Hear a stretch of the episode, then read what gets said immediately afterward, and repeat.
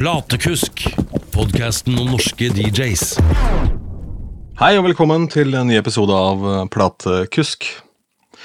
Før eh, denne episoden så må jeg bare litt fortelle litt om eh, bakgrunnen for dette intervjuet, og hvorfor det ble litt sånn spesielt viktig og bidro til at livet mitt ble litt enklere på et vis. Det var en mandag det intervjuet her er spilt inn med Marianne Rosa. Og den mandagen så hadde jeg min første dag eh, hos NRK i Oslo. Vært på opplæring i Trondheim og hatt en påfølgende helg med da en DJ-gig i Drammen. Og så en annen jobb på lørdag som ikke jeg husker noen ting av. Jeg husker ikke helt hvor jeg var. Det er ikke så veldig nøye. Eh, Og på søndag så var det da rett eh, på Barcode, et sted som jeg booker i Lillestrøm, for å da bygge en ny DJ-boks. Seilte på masse energi og masse, masse punch, eh, og en kjempeselvtillit og glede over å igjen bli eh, anerkjent som radiomann på en måte jeg ikke har blitt på veldig lenge. På mandagen så kjenner jeg veldig på at jeg er i ferd med å møte veggen. Liksom, det kommer nærmere, sånn sakte, men sikkert. Eh, Og den dagen fikk jeg ikke gjort spesielt mye nytte for meg på NRK, og det var veldig vondt. Så jeg fylte den dagen med telefoner hit og dit, og snakka med masse kollegaer. Prøvde å kanalisere da på en måte den energien til noe som ble positivt. da.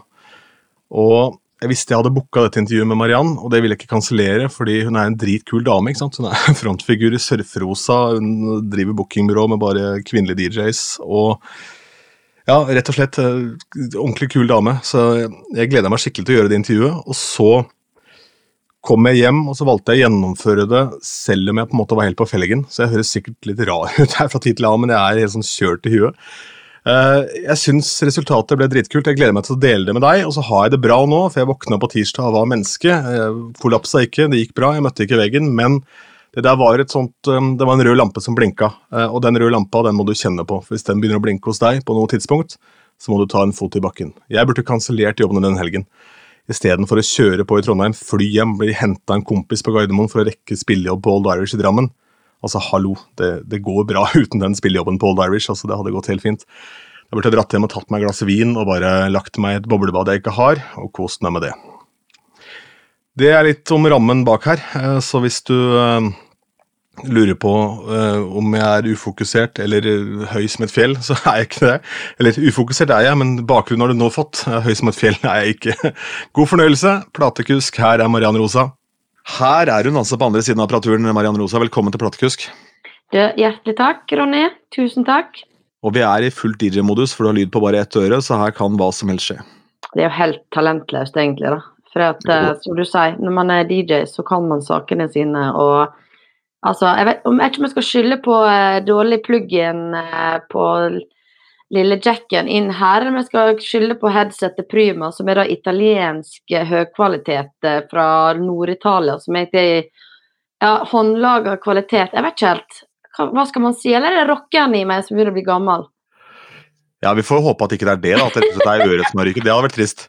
Ja, men du veit du hva? Det er Fortsatt så har jeg eh, ganske lite problem med hørselen og ingen tinnitus, og bank i bordet. Jeg hadde også helt crisp hørsel sånn ifølge den der testen da jeg sjekka for noen år tilbake. Men på sesjon så husker jeg fikk, den, fikk det rareste og beste komplimentet jeg har fått i hele mitt liv. For da kler jeg av meg, da, står der i bokseren, og så står jeg med ryggen til eh, legen, og så sier han ja, du er jo ganske feit, da. Nei, nei, nei. Jo da, men hør nå. Men så har du jammen kraftige legger òg. Herregud. Nei, men altså ja, Nei, det er kanskje like greit. Uh, jeg, tror, jeg har aldri spilt i band med noen som har vært i militæret før. Å, Nei, vi driver ikke med sånt. det er riktig. Og Er det bevisst, liksom? Altså, det er sikkert bare for at jeg Hva skal jeg si? Nei, det var vel en grunn til at eh, det ble sånn, da. Vi er for fred, vi, vet du. Ja, nettopp. ja. Bare så lenge ikke det ja, så lenge ikke det er fred på konserten, for der koker det over. La oss ta, la oss ta det aller første før vi kommer inn i DJ-tingene her. fordi Hvis Marianne Rose er et navn du tenker på, så tenker du på Popjoy Booking, så har Marianne gjort en veldig god jobb. Men det som gjorde deg kjent i sin tid, var jo at du var frontfigur i et av Norges aller beste rockeband gjennom tidene, Surfrosa. Det stemmer. Eh, der holdt vi koken eh, starta i 1999, slo gjennom i 2001 ved at vi vant Zoom. Zoom er en konkurranse som eh, P3 og So What eh, arrangerte, som da etterpå ble Garasje. Eh, og nå er det faktisk eh, Jeger som ligger der. Så nå er ikke det, nå er ikke det rock, det er house der nå. Og Ja. tech, tech house og deep Mye house. tekno og. Mye tekno. The tekno. Tekno, ja, ja, ja. Tekno og ja, litt forskjellig. Så eh, ting har endra seg. Og, mm, nei da, så vi har jo gitt ut eh, tre fullengdere, to EP-er og diverse singler og forskjellige edits eh, for UK og Sverige og special edits for Asia, og litt forskjellig sånt. Spilt inn alt i, uh, i en kjeller på Sinsen i Oslo. Aldri hatt platekontrakt i Ja, bortsett fra siste, den gjorde vi i Fredrikstad. Uh, med Yngve Sætre.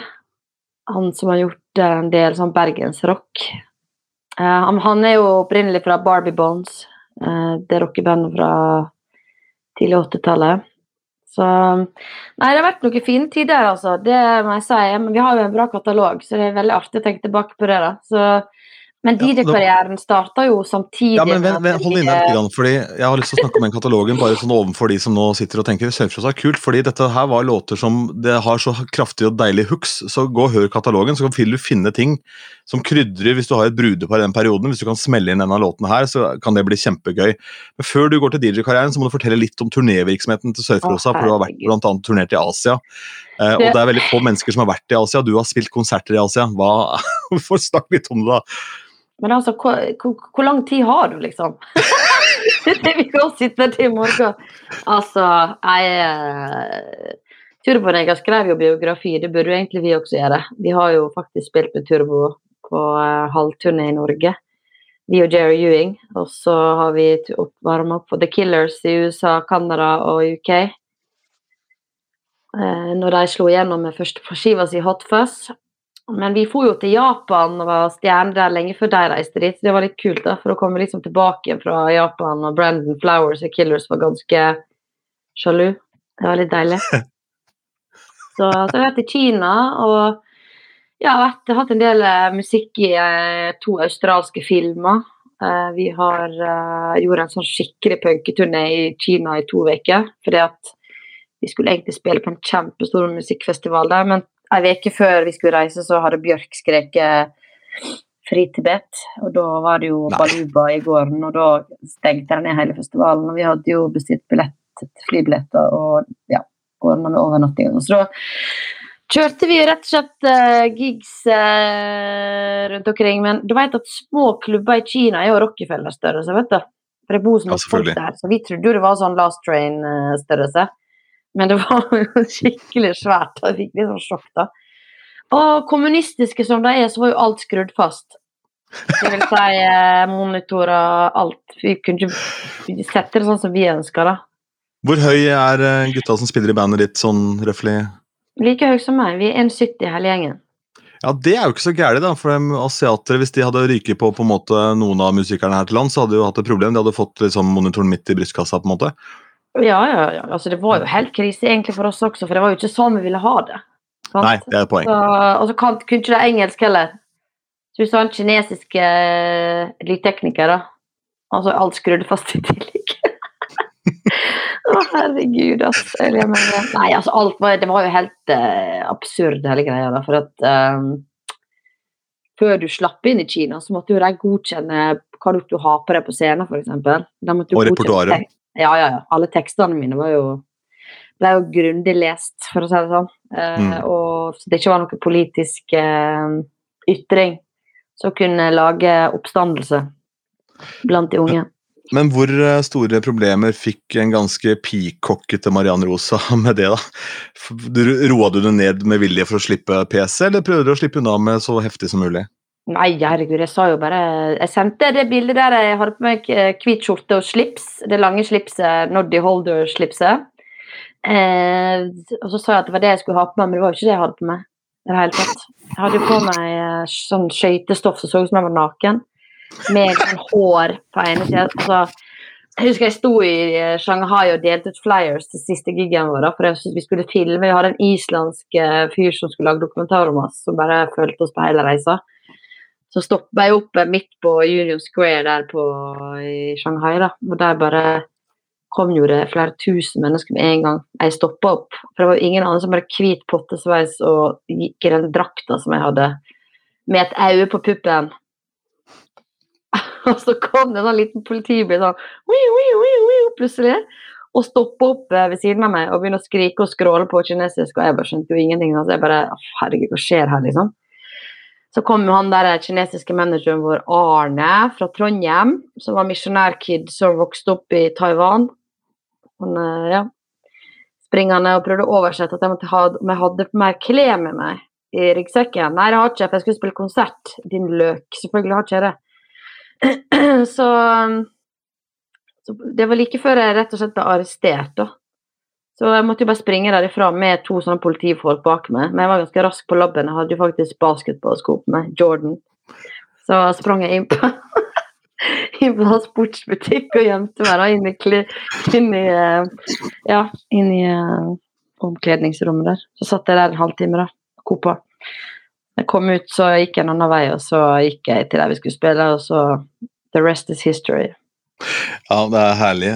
Hva gjør denne bakgrunnen og på en måte de tingene du har opplevd her, og hvordan du må ha tatt roller, hvordan du må ha egentlig da ja, altså Det å være da frontfigur i et band som er kjent for at eh, frontfiguren er dritkul, hvordan er det å dra inn i en DJ-karriere? For du begynte som event-DJ i 2002, kan det stemme? Jeg begynte som rock- og punk-DJ først. Ja, nettopp, ja. På uh, Bar Babylon. Det var faktisk Erlend Mokkelbost, han er produsent i dag, men uh, som uh, har hadde en god idé om at uh, i stedet for at du skal stå over eh, Hva skal jeg si? Han syntes jeg hadde så bra musikk, og så sto jeg alltid over eh, CD-spilleren på fest. Og ingen andre som slapp til på forspill eller nachspiel. Så i stedet for at jeg holdt på med det tullet der, da, så kunne jeg egentlig bare begynne å spille og tjene penger også. Jeg Vi- vi tjente, hadde- penger, jeg tjente jo ikke penger i starten. Det, var, altså det som var greia, var at han booka en gig for meg. Så skulle han egentlig være der sammen med meg, men så stakk han bare. Så var det stappfullt der, så sto jeg der som en sånn her eh, spørsmålstegn. Og bare, å herregud, hvordan fungerer dette her, liksom. Men da ble man liksom kasta ut i det, da. Og eh, ja, det var noen lærerike år der jeg spilte fast eh, rundt omkring på forskjellige klubber i Oslo, da. Det var det.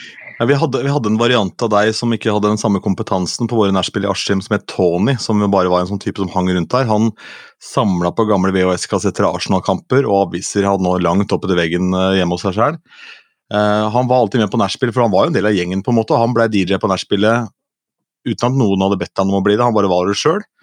Ja. Og han var god på å finne throwbacks som ikke du trengte å spille. Eh, men det han også var god på, var da å spille litt av de, så da, hver gang det kom på en sang hvor noen begynte å synge, så bytta han til neste. Eh, for, da, for det likte ikke han noe særlig godt. Men han var, hadde jo en eller annen form for diagnose her. Jeg husker jeg hadde med meg en kjempepen jente og gjort en DJ-gig, og så går jo han da, han prøver kanskje å sjekke henne opp på sin keitete måte da, og tenker at dette her er bare å prøve på, så tenker jeg jøss. Så deilig å ha det sånn, at du bare bryr deg ikke om noen ting i verden. Bare Høres ut som meg, det. Nei, da. Kjøre på! Kjør på, det var ingenting å miste. Nei, men vi hadde jo en filosofi hele veien. da, Litt sånn som jeg spiller egentlig også, at man eh, Jeg mener som DJ så har du sånn samme ansvar som en frontfigur. altså Du lærer opp publikummet ditt, på en måte. da, altså du du skal liksom uh, introdusere deg for selvfølgelig ting de kjenner igjen, men du skal også snike inn ting som på en måte kan være gammelt eller nytt eller en annen sjanger. Synes i hvert fall jeg da. Jeg syns det Diplo og eh, DJ AM er ganske kule. I hvert fall DJ AM, måten han miksa på. Han var jo veldig inspirert av disse her første DJ-ene. Måten de eh, ja, altså, Det var baby scratching, eller hva det var for noe type Nei, beat greia var at AM var den første som gjorde gammel musikk kult for kids. Ja, eh, ikke sant? Ja, ja. Ja. Og det som de snakker om her, det har faktisk ikke vært så mye innom i denne poden, men jeg har to konkrete eksempler fra gigs i helgen som vi kan ta, og det er eh, Jeg så en video, jeg tror det var en DJ som hadde sendt den, og det var en video av en poplåt fra midten av 2000-tallet som absolutt en hel burgerrestaurant sang med til. Minner om da den der Bohemian Rhapsody foran eh, da det er- varmer opp for eh, De varmer ikke opp, men før Green Day går på scenen i Hyde Park, hvor hele Hyde Park synger Bohemian Rhapsody, ikke sant? Og sett den Ja. videoen? ja, ja. Bare at her er det en burgerrestaurant, alle synger med. Sangen er Daniel Powter med Bad Day. Ja. Eh, og så tenker jeg at det refrenget her, det kan absolutt alle, men ingen kan jo versene, selvfølgelig. Så, men så er det også et dropp. er bare You had a bad day. ja, ja. Og tempoet er ganske høyt, så jeg ender opp med å gå ut der. Jeg lurer på om det var noe Venga Boys-land eller noe sånt. Jeg er på Old Irish nede i Drammen der og banker inn Bad Day. Og da stopper hele sjappa opp i ett sekund. Og så ser du bare smil på alle jentene, og de synger av full hals. Ja. Og så får du ikke noe mer enn det refrenget, for du må ut av dette her fordi verset kan jo ingen. ikke sant? Men Nei, nei, nei. Lørdag gjorde jeg en annen gig. Det var 50-årsjubileum for Askim rideklubb. De hadde ikke sett hverandre siden før pandemien, så jeg sa til hun som booka meg at uh, her håper jeg egentlig ikke det blir noe dansing, men jeg håper jeg folk har ting å snakke om, for her, her er det mye historie. Uh, er vi enige om at jobben min er gjort hvis folk har hatt det hyggelig i kveld? Og det var hun, og da tenker jeg ok, da kan jeg gjøre den jobben. Den låta som uh, fikk aller mest jubel her, det var 'Fly in the Wings of Love'. som Å, da herregud. Den, har jo litt, sånn- den hadde liksom et litt sånn R&B-tempo, så jeg bare banka den inn. jeg. Alle kjenner det. det er tøft gjort, altså. Jo, men jeg gjort. er fra Askim, og i Askim, i Indre Østfold, med mindre det sitter noen på gutterommet der er kjempegod til å spille, så veit jeg på en måte at uh, det er ikke så mange som tar meg på den partypakka. Eh, og da er jeg trygg på det, og så håper jeg at det er noen som har lyst til å utfordre meg, at vi kan snakke sammen og bli flinkere sammen. Ja, men. Jeg, altså, jeg digger sånt, jeg. Jeg uh, syns det er tøft. Jeg, jeg, jeg rocker opp, men jeg gjør litt på min måte også, da. eh, Sånn som du sier. Men det å lese gulvet, og det å på en måte forstå hva er det du på en måte Ja, hva slags kveld du skal skape, det syns jeg er veldig interessant. Det er jo Mm. nesten psykologi. Ja, og så er det et eller annet med det Hvis du alltid går for det uansett, og bruker det som en slags øvesession Jeg er jo heldig, for jeg har jo, jeg har jo et mixshow på radio. Det har sikkert ikke masse lyttere, eller noe som helst. Det er en nettradiokanal som drives av Glenn Sagstad.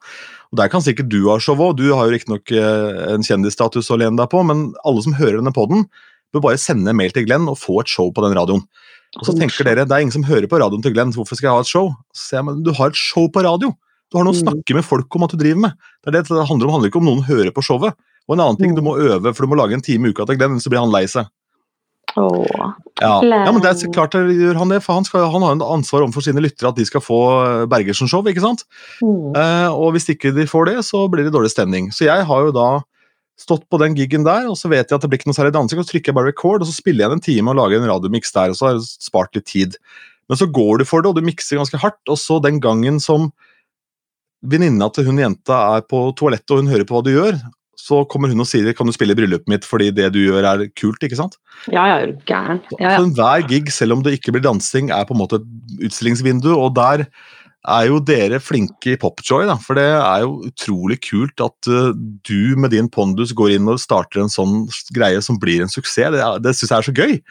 Takk, det er så hyggelig. Altså, det er så artig. Da, for at jeg, jeg har aldri gått ut offentlig egentlig og sagt at det er jeg som er gründeren og, ja, og daglig leder bak eh, Popjoy Booking. Eh, jeg har bare holdt det litt sånn lavt, fordi at eh, jeg hadde veldig lyst til at det på en måte hele den der pakka skulle leve litt sitt eget liv. Jeg skulle ikke ha noe ansikt annet enn de DJ-ene som var ute på jobb. Og det har fungert kjempebra. Det har vært eh, virkelig en virkelig sånn suksess, som du sier, i form av at når jeg starta Popjob, så trodde jeg at det var flere lignende byråer rundt omkring i Europa der vi faktisk kunne skape et større miljø for jente-DJs for å skape sjøl Altså selvsikkerhet, eh, utveksle kompetanse, eh, få like bra pondus og gutta boys, og kanskje få litt anerkjennelse i det mannsdominerte miljøet i tillegg. Eh, For det er fortsatt litt ukultur eh, den dag i dag, særlig de store byene, om å få litt innpass her og der. da. Det er fortsatt litt sånn eh, Jentene skal være litt maskoter, hvis du skjønner. Så det måtte vi gjøre noe med. Og når jeg begynte å gjøre research på om det fantes andre typer lignende byrå, der jeg kunne få til å utveksle litt eh, erfaringer med, og få tips uh, og sånne ting, når jeg skulle starte opp, så var det ingen. Jeg syns det var veldig rart. Ja, uh, det- startet Norges første og eneste byrå for kvinnelige DJs, som har fått det- ris og ros.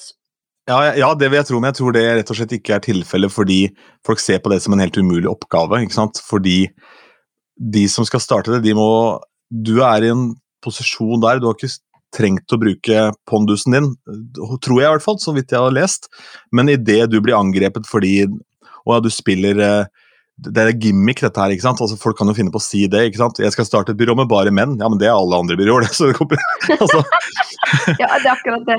ja, og så kan du finne på at ja, dette er liksom en sånn PR-strategi, også, men det handler jo ikke om det. Det handler ei heller om at vi skal brøle så mye om girl power. Det handler om at eh, jentene det har vi funnet i den poden her, er utrolig flinke til å hjelpe hverandre. Der har vi gutta mye å lære. Eh, og så handler det vel om at man skal vise den bredden av kompetanse som finnes blant jenter i Norge. Ja, det er akkurat det, og det er akkurat det vi har. Vi har jo liksom Vibeke Bruff som helt en av de toppsjikte teknoene i Nord-Europa, vil jeg påstå. altså. Virkelig. Hun er jo 22 år bak seg nå. Og uh, har bachelor lyddesign, er produsent, produserer sin egen musikk og har faktisk gitt ut på en del store sånne her eh, techno-labels rundt omkring i Europa. Og vant den der eh, DJ-konkurransen der hun presenterte Norge på Energy Burn på Ibiza i eh, 2017. Så, og jeg, jeg har faktisk spilt med Vibeke back in the days når vi spilte på Stratos og litt sånn småklubber rundt omkring. Jeg spilte jo veldig sånn Når jeg spilte punk, og rock i starten, så begynte jeg å blande litt sånn 80s og rare sånne 90s tracks som jeg fant på sånne rare Da spilte vi CD-er, ikke sant? Og Mm. vinyl. Og det var helt merkelig å tenke på det i dag, liksom. Hvor masse vi Mm. draksa med oss. Vi begde jo 100 kilo, liksom. Men jo, vi gikk her bidige helger, og da liksom eh, begynte jeg liksom å eh, flørte litt med mer elektronisk musikk. Da. Jeg begynte å Jeg digga Kitsune, eksempel. Franske labelen der. Det kom en del masse morsomme sånne ele- elektronikating eh, som jeg, Ja, hun Peaches hadde en del kule som miksa, husker jeg. Og da kjenner jeg Mikael Telle veldig godt. Ja, ja, ja. ja. Han, eh, i er Bergen, da. Mm. han møtte jo jeg første gangen i 1999 når jeg eh, var student på kroa i Bø. Da var jo jeg frivillig på Frimus, Frimusikkens venner nå, som var skikkelig sånn underground-organisasjon, som bare booka sånne obskure ting, da. Og da, booka vi Telekonvoien, vet du, med Ralph Myers og Røyksopp og Kings of Convenience og Annie og Erot og hele den gjengen der, vet du, kom jo inn der, og Kahoon og det opplegget. Det var jo 16 pers, da, så, som jeg fikk ansvar for å lage mat til og ta vare på og sånn. Og da ble jeg kjent med gjengen, da. Så jeg og Mikael har jo holdt kontakter hele veien. Altså, jeg husker jeg skulle DJ på VG-lista Topp 20 på TV. Og da skulle jeg bare spille vinyl. Og da kjøpte jeg alt på det nøstet, den der platesjappa hans i Bergen. Og kjøpte noe rare, kule ele elektronika, liksom. Det, sånn, det, det ble nok eh, sakte, men sikkert eh, en sånn eh, eh, hva skal jeg si, større interesse for annen type musikk enn bare den jeg kanskje har hatt mest av i hjertet mitt, da, vil jeg påstå. Mm. Selv om jeg likte Eurythmics og sånn 80s, New Wave-musikk, selvfølgelig liker jeg det. Og Joy Division og ting som er dansbart, da. Men kanskje Ja, ikke så og- ja. ja, ja, herregud. Mm. Men ikke så um, uh, clean house som jeg kanskje spiller i dag, da. Som jeg Nei, for det, elsker. det, jeg også Jeg falt av house litt når den ble så veldig polert. Og så var jeg virkelig svett av de EDM-tingene, for det ble så veldig amerikanisert for meg. Det ble liksom som om det ble Big Mac alt sammen. Eh, og, og det gir meg ingenting. Det må, det må være noe krydder der. Det må i hvert fall eh, det, hva, Gamle slagord til Radio Tango, det må være noen chili blant sviskene. ikke sant? Ja. Og det er så viktig for meg for at jeg skal i hele tatt gidde å spille låta en dag i dag. Så, så min glanstid når det kommer til House, det var den der 99-2000 med franskebølgen her. For da hadde du da hadde Mojo med Lady, og så hadde du uh, Stardust med Music Sounds Better With You. Med Ja, to låter som ikke har noen ting med hverandre å gjøre musikalsk, men som er to banger hits. Ja, ja. Og så har du liksom eh, Etienne the Crazy, som er den feteste musikkvideoen i historien, med en kua som bare blir kappe rumpa, og så blir det en, en, sånn hamburger. Uh, og det var helt innafor å spille på MTV åtte dager i uka, liksom. Eller Divo med Whip It. Ja, Å, fy faen, det er den kuleste videoen jeg har sett noen gang. til. Hvis jeg, elsker jo Divo, da. Ja, det er jo ny... Are- are- uh, we are not men, we are Devo. Altså, Det var så masse rar titler. Digger det Men- bygde egne synthesizere, sånn som Kraftverk, liksom. Men Jeg elsker jo Kraftverk, da. Herregud. Ja, ja, det, og det er så deilig. Jeg har også musikkbingo noen ganger, og da hadde jeg teknologi som som sånn kategori, da, og så spilte jeg We Are The Robots, ikke sant, og da ser du på en måte hvem som har et forhold til dette, og de som ikke har et forhold til det, de, de tror at det er noe galt med lyden, ikke sant, at det hakker. Mm. Eh, og så går det, går det et minutt, og så skjer det noe igjen av det, og så er det i gang, og da forstår de det, og da du plutselig blir du ratt fan, da. Men jeg har, jeg har et spørsmål i forbindelse med starten på den DJ-biten. Da gjorde du eh, punk og rock, men var du da på en måte i karakter altså Speisa du ut da med drakter og sånn, eller var du, sto du rett opp og ned som Mariann? Nei, altså, jeg har jo aldri stått rett opp og ned. Jeg så jo ikke ut da heller, nei. nei altså, jeg hadde min egen greie, men altså er det, sånn, eh, det, det er kanskje det som er litt fordelen av å være kvinnelig DJ også, kanskje. At vi eh, i, i hermetegn pynter oss før vi går på jobb. Det skal i hvert fall mine gjøre når jeg går på Mm. jobb. Du selger, du selger en merkevare uansett hva du sier, da. Så er det din merkevare kan være brillene dine, f.eks. Eller er en gjenkjennelsesting, da. Det skal man Mm. ta vare på. Det er veldig viktig, syns jeg. Og det handler og det med å labelize det som du spiller også. Eh, Der er du litt like at vi tør å være litt joviale i måten vi spiller. Vi tør faktisk å være cheesy, men intelligent cheesy, vil jeg kalle det. da. For det er jo bra låter vi spiller, liksom. Eh, Og, Ja. og, da, og da er du inne på noe synes jeg, som man må ta vare på. Da, for det er nok av eh, andre typer DJ innenfor andre sjangere igjen som kanskje høres mer like ut. For at, eh, ja, det måten man mikser ting på som jeg syns man skal ta vare på. da. Helt enig. Det er en kombo av ting der. Du må ha Hvis du skal virkelig gjøre suksess, føler jeg, da, så må du ha evnen til å bare kunne mikse ting helt smooth, så bare flyter av gårde. For noen ganger så er det bare det du trenger. Eh, For du kan ikke alltid droppmikse hardt og sånn for, for å få liksom den der omfen i settet ditt, men det også er liksom et sinnssykt verktøy for hva er det de snakker om i disse bryllupstingene i USA? som De går alltid for å os hver gang de, oh, ja, det er en låt som de digger.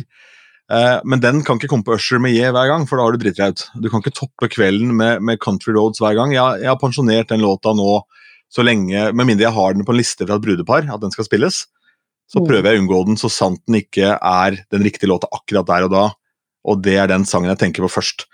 Eh, fordi idet du går for Hermes House Band med Country Roads hver gang, så har du Det blir litt juks, da, på en måte, fordi det er en sang alle kan, og du vil få en mye bredere katalog med en gang du begynner å ekskludere noen sånne låter i perioder. Det er så lett at du gjør den samme fella. Jeg skjønner. Ja, Jeg, jeg skjønner akkurat hva du mener, og, men det er så irriterende også, for du kan spille liksom to låter etter hverandre. De er helt perfekt, og så gjør du det nesten hver gang, for du bare vet at det er så deilig. Skjønner du? ja, ja. ja. Sorry, jeg har så sinnssyk pollenallergi. Det Det, det, er ikke, det er ikke hangover fra Spellemannprisen på fredag, altså. Å, fy. Ja, du, Gi oss noe inside fra, eh, fra å være på Spellemannfester og sånn, for det er jo ingen, veldig få av oss som har vært. Altså, er, er, det, er det en DJ der som spiller? Hva, hva spiller den DJ-en? Nei, altså, det som var greia i nord denne gangen her, det var jo, nå har jo det vært eh, to år uten Spellemann, så nå var jo alt flytta til sentralen. Jeg vet ikke hvorfor, og der er jo det litt knotete, for at det, der er jo det masse trapper overalt, og så er det forskjellige rom med forskjellige etasjer. Så det, du ser, der er veldig masse folk, men du ser jo ikke alle. Og så blir det litt sånn ekskludert fra Sony hadde ett rom der, og så hadde sånn noen andre labels klikker, forskjellige. Ja, og så sant, altså liksom Men det var jo DJ som spilte, eh, jeg tror det var flere DJ-er, forskjellige rom, egentlig. Men eh, det er veldig masse Det går i veldig masse R&B og hiphop. Særlig norsk hiphop.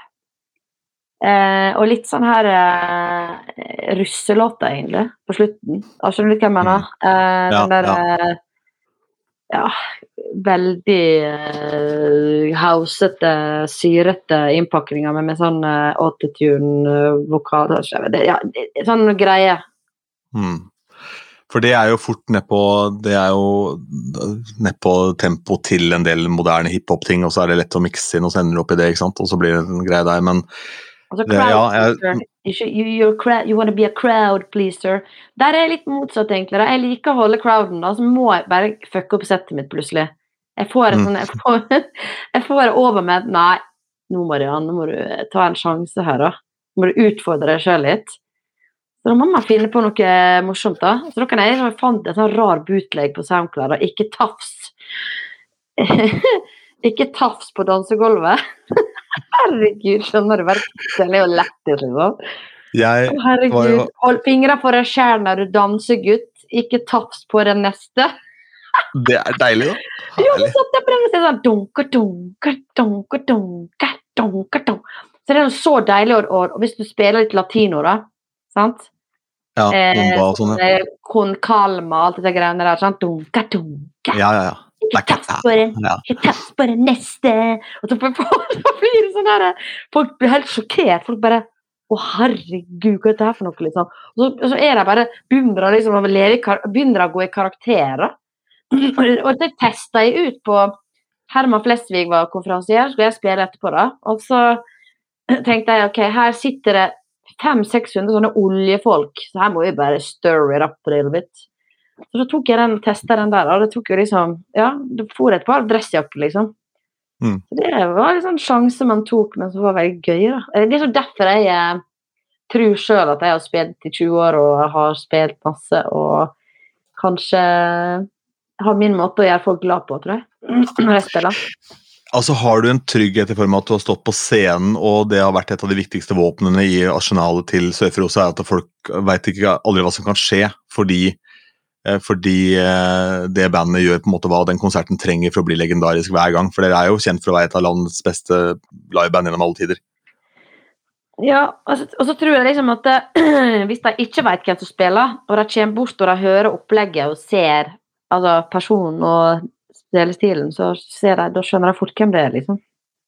Ja, sånn. jeg- jeg kom på to låter som, som jeg hadde lyst til å nevne i forbindelse med den der Ikke tafs, for den er jo funny. Men jeg var og hørte på Vikram, eh, DJ Prince. Første gang jeg møtte han face to face, så spilte han på en eller annen sånn sjappe i Oslo, BA3 eller hva det var for noe.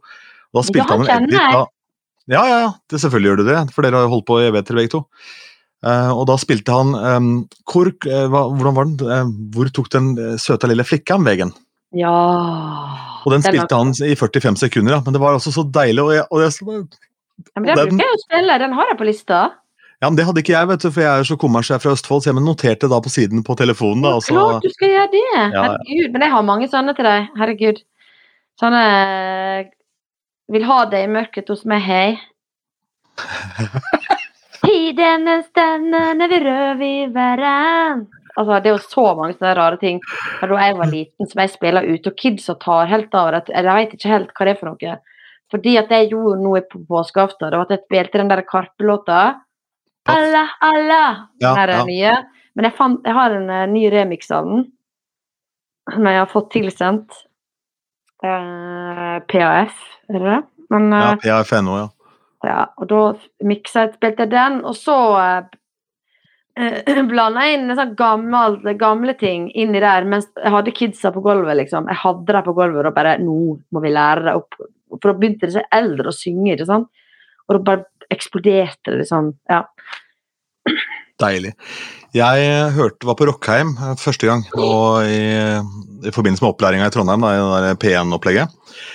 Eh, og da er det dans som er eh, den eh, gjesteutstillinga. Eh, det var mye sånn veldig gammelt, sånn svensk eh, leikaring og den pakka der, men så var det også klubb, da.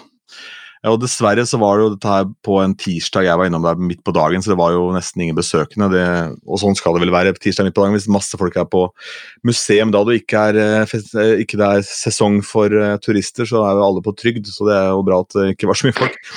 Men, men der var det en sånn stasjon så du kunne sitte og så kunne man da på en måte mikse i bit hvis du satt på hver deres krakk. da. Og det var lyd, med lyddusjer, men det ble ikke så veldig spennende når det bare er én tjukka som setter seg på alle sammen. Da blir det samme lyden. Altså.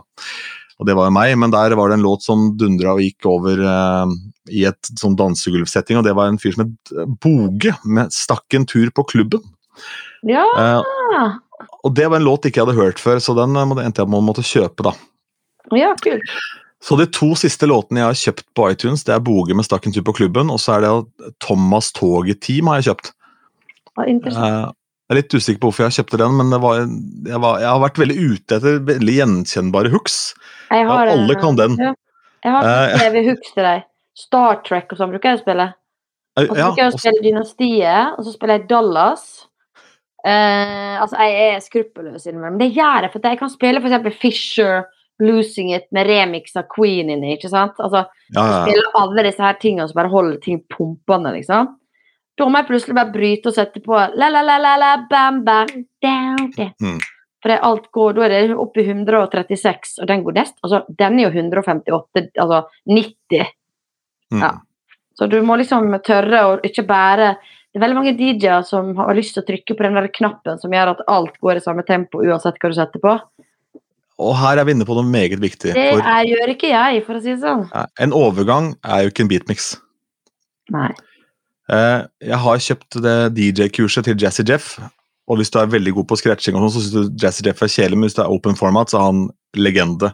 Avslutter den nest største scenen på Hva heter den festivalen? Den Giga Trance-festival? Tomorrowland. Eller Tomorrowland. Nest største scenen Ja. avslutter han med Toto med Africa. Ja. Og Der står det noen som er litt slitne i skøyta, som ikke skjønner hva som foregår, og så kan de refrenget, de òg, selvfølgelig. Men i dette kurset så er det da veldig få av de overgangene han lærer bort, som har noen ting med beatmixing å gjøre. Her handler det om hvordan du bruker effektene dine, og ikke minst av scratching. da. Det driver ikke jeg så veldig mye med. Gjør du det, forresten? Eh, Ja, lite, men jeg Litt cutting, kanskje? Ja, men jeg er mest sånn, som du sier, effekter, ja. Ja, for det, altså et ekko ut, og, og da ta seg tid til å droppe noe annet der etterpå, Mm. det er, det er liksom viktig lærdom, da, fordi det er dritkjedelig å høre beats oppå hverandre. Og nå er det kort eh, sånn attention span. Helt enig. helt enig. Det er faktisk Mm. enig. Av og til kan det være digg, men jeg spilte på Storgata 26 det første gangen jeg spilte der. Det var uh, 8. mars, selvfølgelig, på kvinnedagen. Og da, uh, da hadde jeg fire spillere. Tekno, eller? Eller Nei, altså fire Nei, jeg spilte ikke Jo, men den spilte du tekno, liksom? Var det på sida Nei, nei, nei, nei, jeg spilte ikke tekno. Nei. Men jeg spilte house og veldig masse forskjellig, egentlig. Eh, men poenget var bare at det var så deilig med fire spillere, for kunne jeg Da hadde jeg så god tid Mm. til å gjøre disse ra enda rarere ting, hvis du skjønner, i låtene. Og det her er så kult, da, fordi når folk hører du snakker nå, så skjønner de at du veit hva du snakker om. For jeg tror veldig mange har hatt et bilde av at du er kjendis, og så går du og spiller for Statoil og får eh, 25 000-50 000 for det, ikke sant? Eh, og så står du og spiller ABBA med Dancing Queen for Statoil. Det er det mange tenker, ikke sant? Men dette er jo Mariann. Ja, jeg, Eh, jeg, jeg, jeg har ikke Spotify-DJ, nei. jeg kjører ikke laptop, det gjør jeg faktisk ikke. Jeg, jeg, må, trykke, jeg, må, ha, liksom, må ha utstyret foran meg. Nå har jeg bestilt ja, en XDJ X3, da.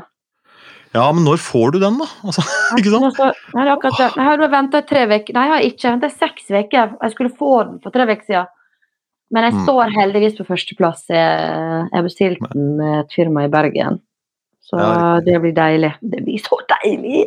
Er det en gang du skal dra i land og bruke noe Star Power, Mariann, så er det nå, for nå trenger vi å få, få inn noe teknologi til land igjen, for nå er det tomt overalt. Altså.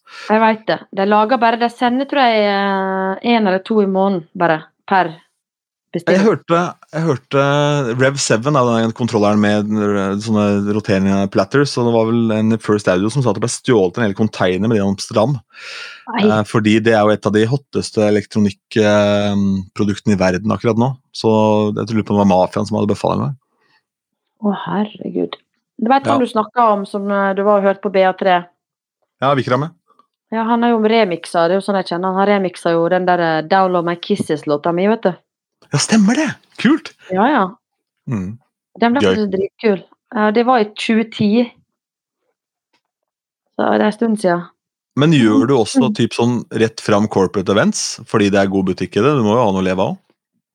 Eh, altså, jeg, jeg, er minst mulig klubb, jeg er mest mulig events. Altså, jeg har jobba Ja. i 20 år. Altså, jeg, men det er fordi jeg eh, driver med administrativt med booking og hva skal jeg si Booking, strategi, um, oppfølging av eh, alle DJ-profilene. Eh, sosiale medier tar utrolig masse tid, for at, eh, vi, der er vi ganske flinke, og kundene er veldig fornøyd, for vi profilerer dem veldig bra. Og vi profilerer klubbene veldig bra. Og vi er med å faktisk vise fram alle DJ-ene, potensialet deres og energien, ikke minst, mellom deg og publikum. Mm. Eh, og måten de spiller på. Vi, har tenkt, vi hadde jo tenkt å arrangere DJ-kurs faktisk eh, kun for unge jenter, i, som var ungdommer. Uh, men det kom jo en koronapandemi som skyldte over hele verden. Så Mm. det er en del ting, potensialet som ligger der, som vi ikke har fått tatt tak i helt ennå. Som jeg synes det Jeg er ikke Jeg er ikke mett, jeg er fortsatt sulten på å utvikle byråer. Det er jeg. Men, Men tilbake til det du spurte om med corporate-greiene, så er det at det, noe bra har jo skjedd da, eh, på denne DJ-reisa, og det er jo det at eh, folk eh, spør etter meg. Jeg spilte jo for UDI, og da har jeg da sendt det over tre-fire andre DJ-er pluss meg sjøl, men det var mer jeg skulle ha. Det Mm. har med det har med at jeg har spilt Jeg har en veldig kul liste på den der bioen min. På hver plass jeg har spilt. Jeg har jo spilt to år på Berlin Filmfestival. Jeg har vært resident på Amanda Filmfestivalen. Jeg var på audition i Italia på en sånn klubb som heter Hollywood utenfor Verona ved Gardasjøen. Og da fikk jeg lov å prøvespille en halvtime, så måtte jeg vente i to timer. Så jeg spilte fra tre på morgenen til seks på morgenen. da Mm. tre timer, og da fikk jeg lov å spille. Men det, men det, det, men det passer ikke helt, for at de italienske DJ-er de, de er flinke, og sånn, men de har en eller annen person som står ved siden av og skriker opp på settet hele tida. Ja, så hypeman, ja. ja, ja, ja. Og det er så irriterende. Og så kutter de låtene hele tida. Det er sånn, de kutter, du får liksom ikke Det har ikke samme flyten. Det har en helt annen kultur og en helt annen sjargong i settene sine. Jeg, jeg ble så Mitt- av det. Ja, Mitt forhold til italienere er jo da at jeg gjorde veldig mye fester for sånn eh, Hva het den, da? Ikke Operasjon Dagsverk, men sånn utviklingsopplegg hvor det kommer italienere til Norge, og så drar vi ja, i hvert fall, Så er det en hel gjeng med italienere som er besøker Norge i en uke, og så er de i Italia en uke. Eh, og så var, er det da en fest som da alltid kulminerer i, og da, dette var i Askim, og jeg var jo DJ-en i Askim på den tida, i all beskjedenhet. Ikke at det er noe å skryte av. Men i hvert fall, så, så, da spilte jeg på de festene, og da husker jeg at de var veldig sånn misfornøyd med hvordan vi gjorde det i Norge, fordi de la ofte en, bare en bit i bånn, så lagde de egentlig en redrum av hele jævla settet. Det var egentlig det de drev med allerede der da, på den tida, mens vi var jo happy om vi klarte å matche noen bars, for vi, vi skjønte Eller tok altfor lang tid før vi lærte um, musikkteori, som da ga oss uh, kraften til å gå liksom rett i penga hver gang. Og det er moro det med sånn forskjellig kultur og sånn, men det, når du sa det nå, at du har gjort alle disse forskjellige kule gigsa, så kom jeg til å tenke på en sånn svær musikkpersonlighet som også ble en sinnssykt god DJ. Det er Boy George. Ja, ja, jeg er helt enig. Ja, For det altså. settet som han har på den aller første annual, den aller første annual med Boy George og Pete Tong, er den første samleplata Eh, eller første mix-skiva som selger over en million X. Det er den som på en måte breaker i hele der, Alle de skivene du har hjemme som står minst for sample, som er annual of et eller annet, eller er the, the, the sound of this eller sound of that, det er pga. den skiva.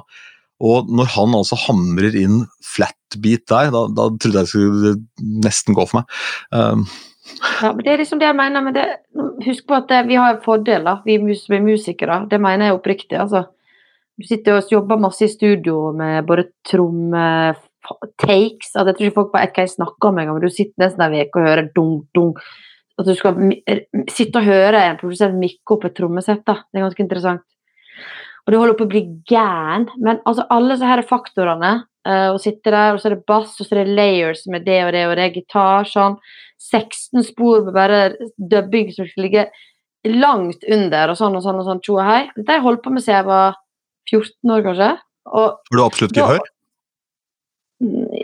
Ja, vil påstå at jeg kan uh, høre en låt på radio, så kan jeg igjen spille den på piano, ja. Men altså ikke sånn perfekt. Kan, ja, ja, men du kjenner ja. en tonearter med en gang og bare smekker har, liksom, ja. jeg, For eksempel når jeg synger tungene her, da, så kan jeg på en måte uh, sitte bare og dikte opp uh, akkorder. Altså, jeg kan spille på gitaren, bare sånn ut i det fri, ut ifra den låta, at jeg kan den a cappella, da. Mm. Men men det som er greia, er jo at den fordelen at man eh, Jeg vil kalle meg selv en musikknerd, men ja, jeg, har lest, jeg leser kun mest musikkbiografier. Favorittmusikkbiografiene mine er jo White Line Fever med Ja. Det godeste Lemmy. Ja, men, ja, sorry. Jeg skrudde av mikken for jeg skulle hoste, og så skrudde jeg ikke på. Men Lemmy, ja. Den, ja. ja White ja. Line Fever er helt konge, da. Jeg syns det er veldig Jeg har ikke lest den. Altså. Ja, fytti jeg, jeg kommer aldri i mål, for jeg, jeg, har lest alle biografiene om min favorittartist, som er Tom Petty. Uh, jeg har din favoritt? Oi, oi. Ah, interessant. Og her, det kan jeg egentlig ta den historien, for jeg har aldri fortalt deg hvordan han ble min favoritt, og det er nesten litt pinlig. Uh, og det var da jeg Radio 1, som jeg på en måte fikk min radiobreak i, de uh, fikk nye eiere og skulle spare noen kroner, og da skjønte jeg at da røyk jeg, så da måtte jeg få meg en annen jobb, og da søkte jeg meg til Gjerradiogruppen og fikk en sånn slags programkoordinatorvariantstilling der i Drammen. Men det var ingen å koordinere, for det var null ressurser der nede, ikke sant? så det var jo bare tull alt sammen, egentlig. Sånn sett, det er nå greit. Men der jobber det en fyr på morgensendingen som heter Tom Marius Kittelsen. Han har du sett det jævlig mye rulletekst nå for den filmen om Drillo. Er det hans selskap som har produsert? Rådebank har de produsert. Ja. Det er han som står bak Fenomen. Ah. Dette er en mann som forsov seg til morgensending annenhver dag omtrent. Men bare han møtte noen som tok tak i opplegget hans, så var jo han et geni. Men det var ikke det som var poenget her. Det som var poenget her var at uh, jeg sitter og spiller en musikkbase som er veldig mye bredere enn hva jeg er vant til, og så dukker 'Learning to Fly' med Tom Petty opp, og den låta syntes jeg var så fin. Og så fikk jeg faen ikke noe betalt den kanalen, så, og Drammen ble jo etter hvert en by som kosta mye penger å bo i, så jeg hadde, hadde litt dårlig råd, rett og slett. Og så gikk uh, Free Record Shop, eller Konk, tror jeg, det må mange. Og så går jeg inn der, og så er det en sånn gigadokumentar om Tom Petty som da plutselig koster 150 spenn istedenfor 600. Da har jeg råd til den, så jeg kjøper den. Og Det er fire og en halv time som han uh, Rob Bogdanovic heter han vel, han som spiller psykologen til Jennifer Melfi i Sopranos. Han har regissert gjennom Tom Petty. Og da elsker jeg det bandet, eh, fordi de har en sang om alle ting i mitt liv. Å ja, så interessant. Ja, og nå har jeg en utfordring til deg på blokka her, rett og slett. Fordi det slo meg nå at dette må jeg bare spørre om på tape.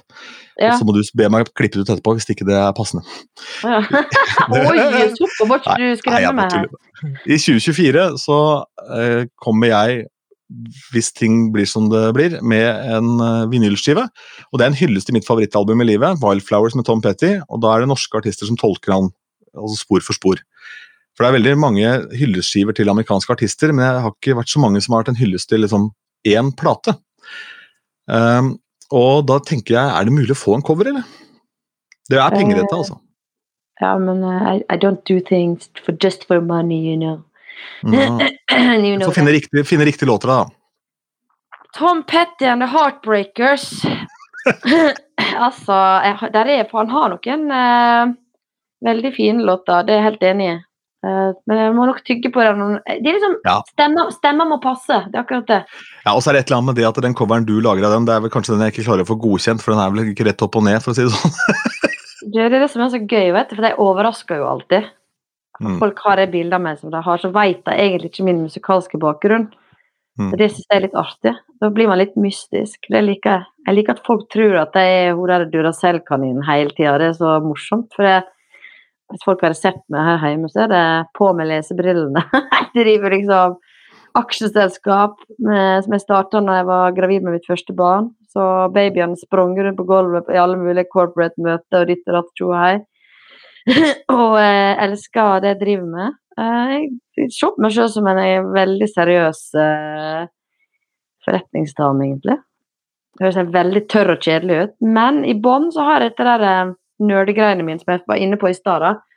At eh, jeg leser musikkbiografier. Jeg husker jeg satt på Robinet en gang, i 2003 var det vel.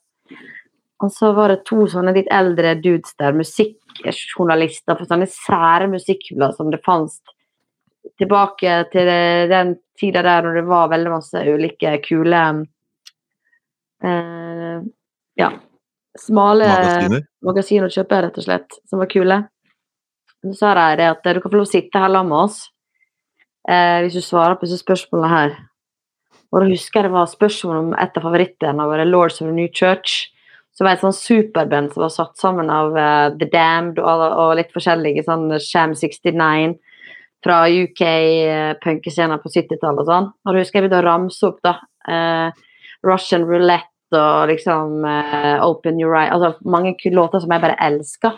Og da tror jeg jeg fikk litt sjokk. Jeg bare Altså, du er i begynnelsen av 20-åra. Hvor hvor- hvor har du lært alt dette her, liksom? Og da fikk jeg lov å sitte der og drikke øl med disse gamle gutta, da. Og fortsette å prate musikk og sånn. Men jeg har alltid vært den som sitter på barkrakken og prater musikk. Det tror jeg jeg har gjort siden jeg var, fikk lov å gå ut da jeg var 18 år. Så jeg vil nok Mm. ikke sette meg sjøl i en sånn bås der jeg bare skal stå på utstilling og ja, være hun med det håret eller de klærne, liksom. Jeg har nok mer substans enn det folk tror. Og det virker fram til i stad i forhold til de gigsa på en måte man har fått og har fått gjennom tider, og som jeg fortsatt får, har jo med ja, rykt, Du vet jo sjøl hvordan det er. Ryktene går jo om du har levert bra eller ikke. Ja, det er egentlig ganske lett å måle, fordi alle vet, altså du vet om det er en bra eller dårlig DJ i rommet umiddelbart Ja, ja. du er der. ikke sant? Og Ja, de sånn corporate-ting og sånn, det, det er ofte et helvetes vanskelig gigs, fordi ofte så må du ut i en bar, eh, og hvis den baren er et, på et hyggelig sted, så det, må du dra folk inn. Ja, det er skikkelig mye sånn Og det, det derre hestefesten ute på Slitu, da, der var det i tillegg teppe på gulvet. Takk skal du ha. Så det var jo Men eh, eh, hvordan starter Popjoy? Altså, du får denne ideen. skjønner du, For første gang så må du rett og slett bare roe ned fordi du er gravid, du skal ha barn, og så må du eh, og så koker det opp i huet, og så kommer det en idé. Hvordan ender du opp med å ringe? Hvem var den første som du henta inn av? Å, herregud. Jeg må liksom bare spole litt tilbake til 2018. Jeg starta det eh, 21. mai var 2018 var selskapet registrert. Eh, For at jeg fikk litt småpanikk, da. Skulle på mitt første barn. Og så eh, tenkte jeg at det er jo veldig synd, da. Etter så mange år ute og spilt, at jeg skal legge ned sjappa nå. Nei, ja, nei, jeg har jo ikke lyst til det, liksom. Og så tenkte jeg, kjenner jo så mange flinke kvinnelige DJs eh, som eh, Så jeg syns får ufortjent lite oppmerksomhet og spennende jobber, egentlig. De blir liksom plassert eh, alltid på et vikariat, som regel. Ja, eller på utstilling? Ja, Det er liksom maskoten. Jeg vil kalle det litt det. Altså um, Hvem jeg snakka med? Nei, jeg uh, snakka med Vibeke Bruff, hun jeg kjent i mange år. Uh, så hun snakka jeg med. Jeg snakka med Jeg fant liksom litt forskjellig, egentlig, langs min vei. For det som skjedde, var at jeg hadde spilt alle somrene i to-tre år på sommerstandup på Latter.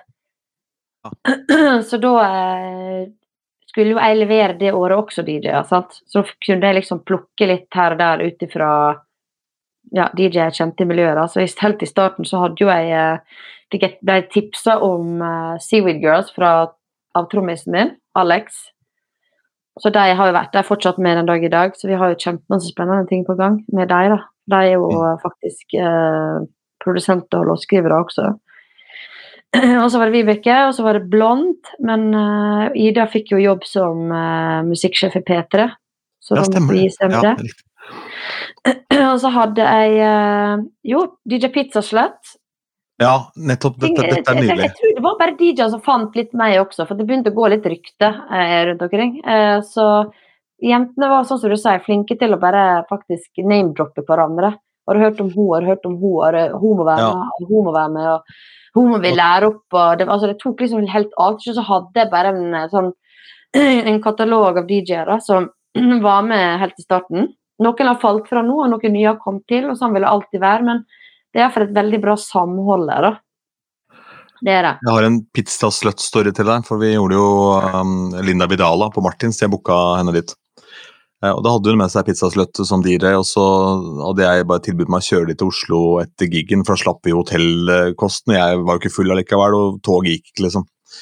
Eh, og så sier jeg altså, dere bor begge i Oslo, og da sier jo pizzasløtt ja til det, selvfølgelig. ikke sant? Men hun bor ikke i Oslo, hun bor langt oppi i helvete oppi Holmenkollen. Nei. jeg, så jeg slipper av Vidala i sentrum, og jeg er jo ikke hjemme før altså, hun, hun, som jeg data på den tida, hun trodde jeg hadde vært og hatt meg med en annen dame. ikke sant? Men jeg måtte fortelle at jeg har jo vært hele Norge rundt her. Så jeg skal invitere henne i den poden her også, og ta en prat, prat om det da hun lurte han der dusten fra Lillestrøm. det må du. Hun har jo skifta navn nå til eh, DJ Will eh, DJ for pizza.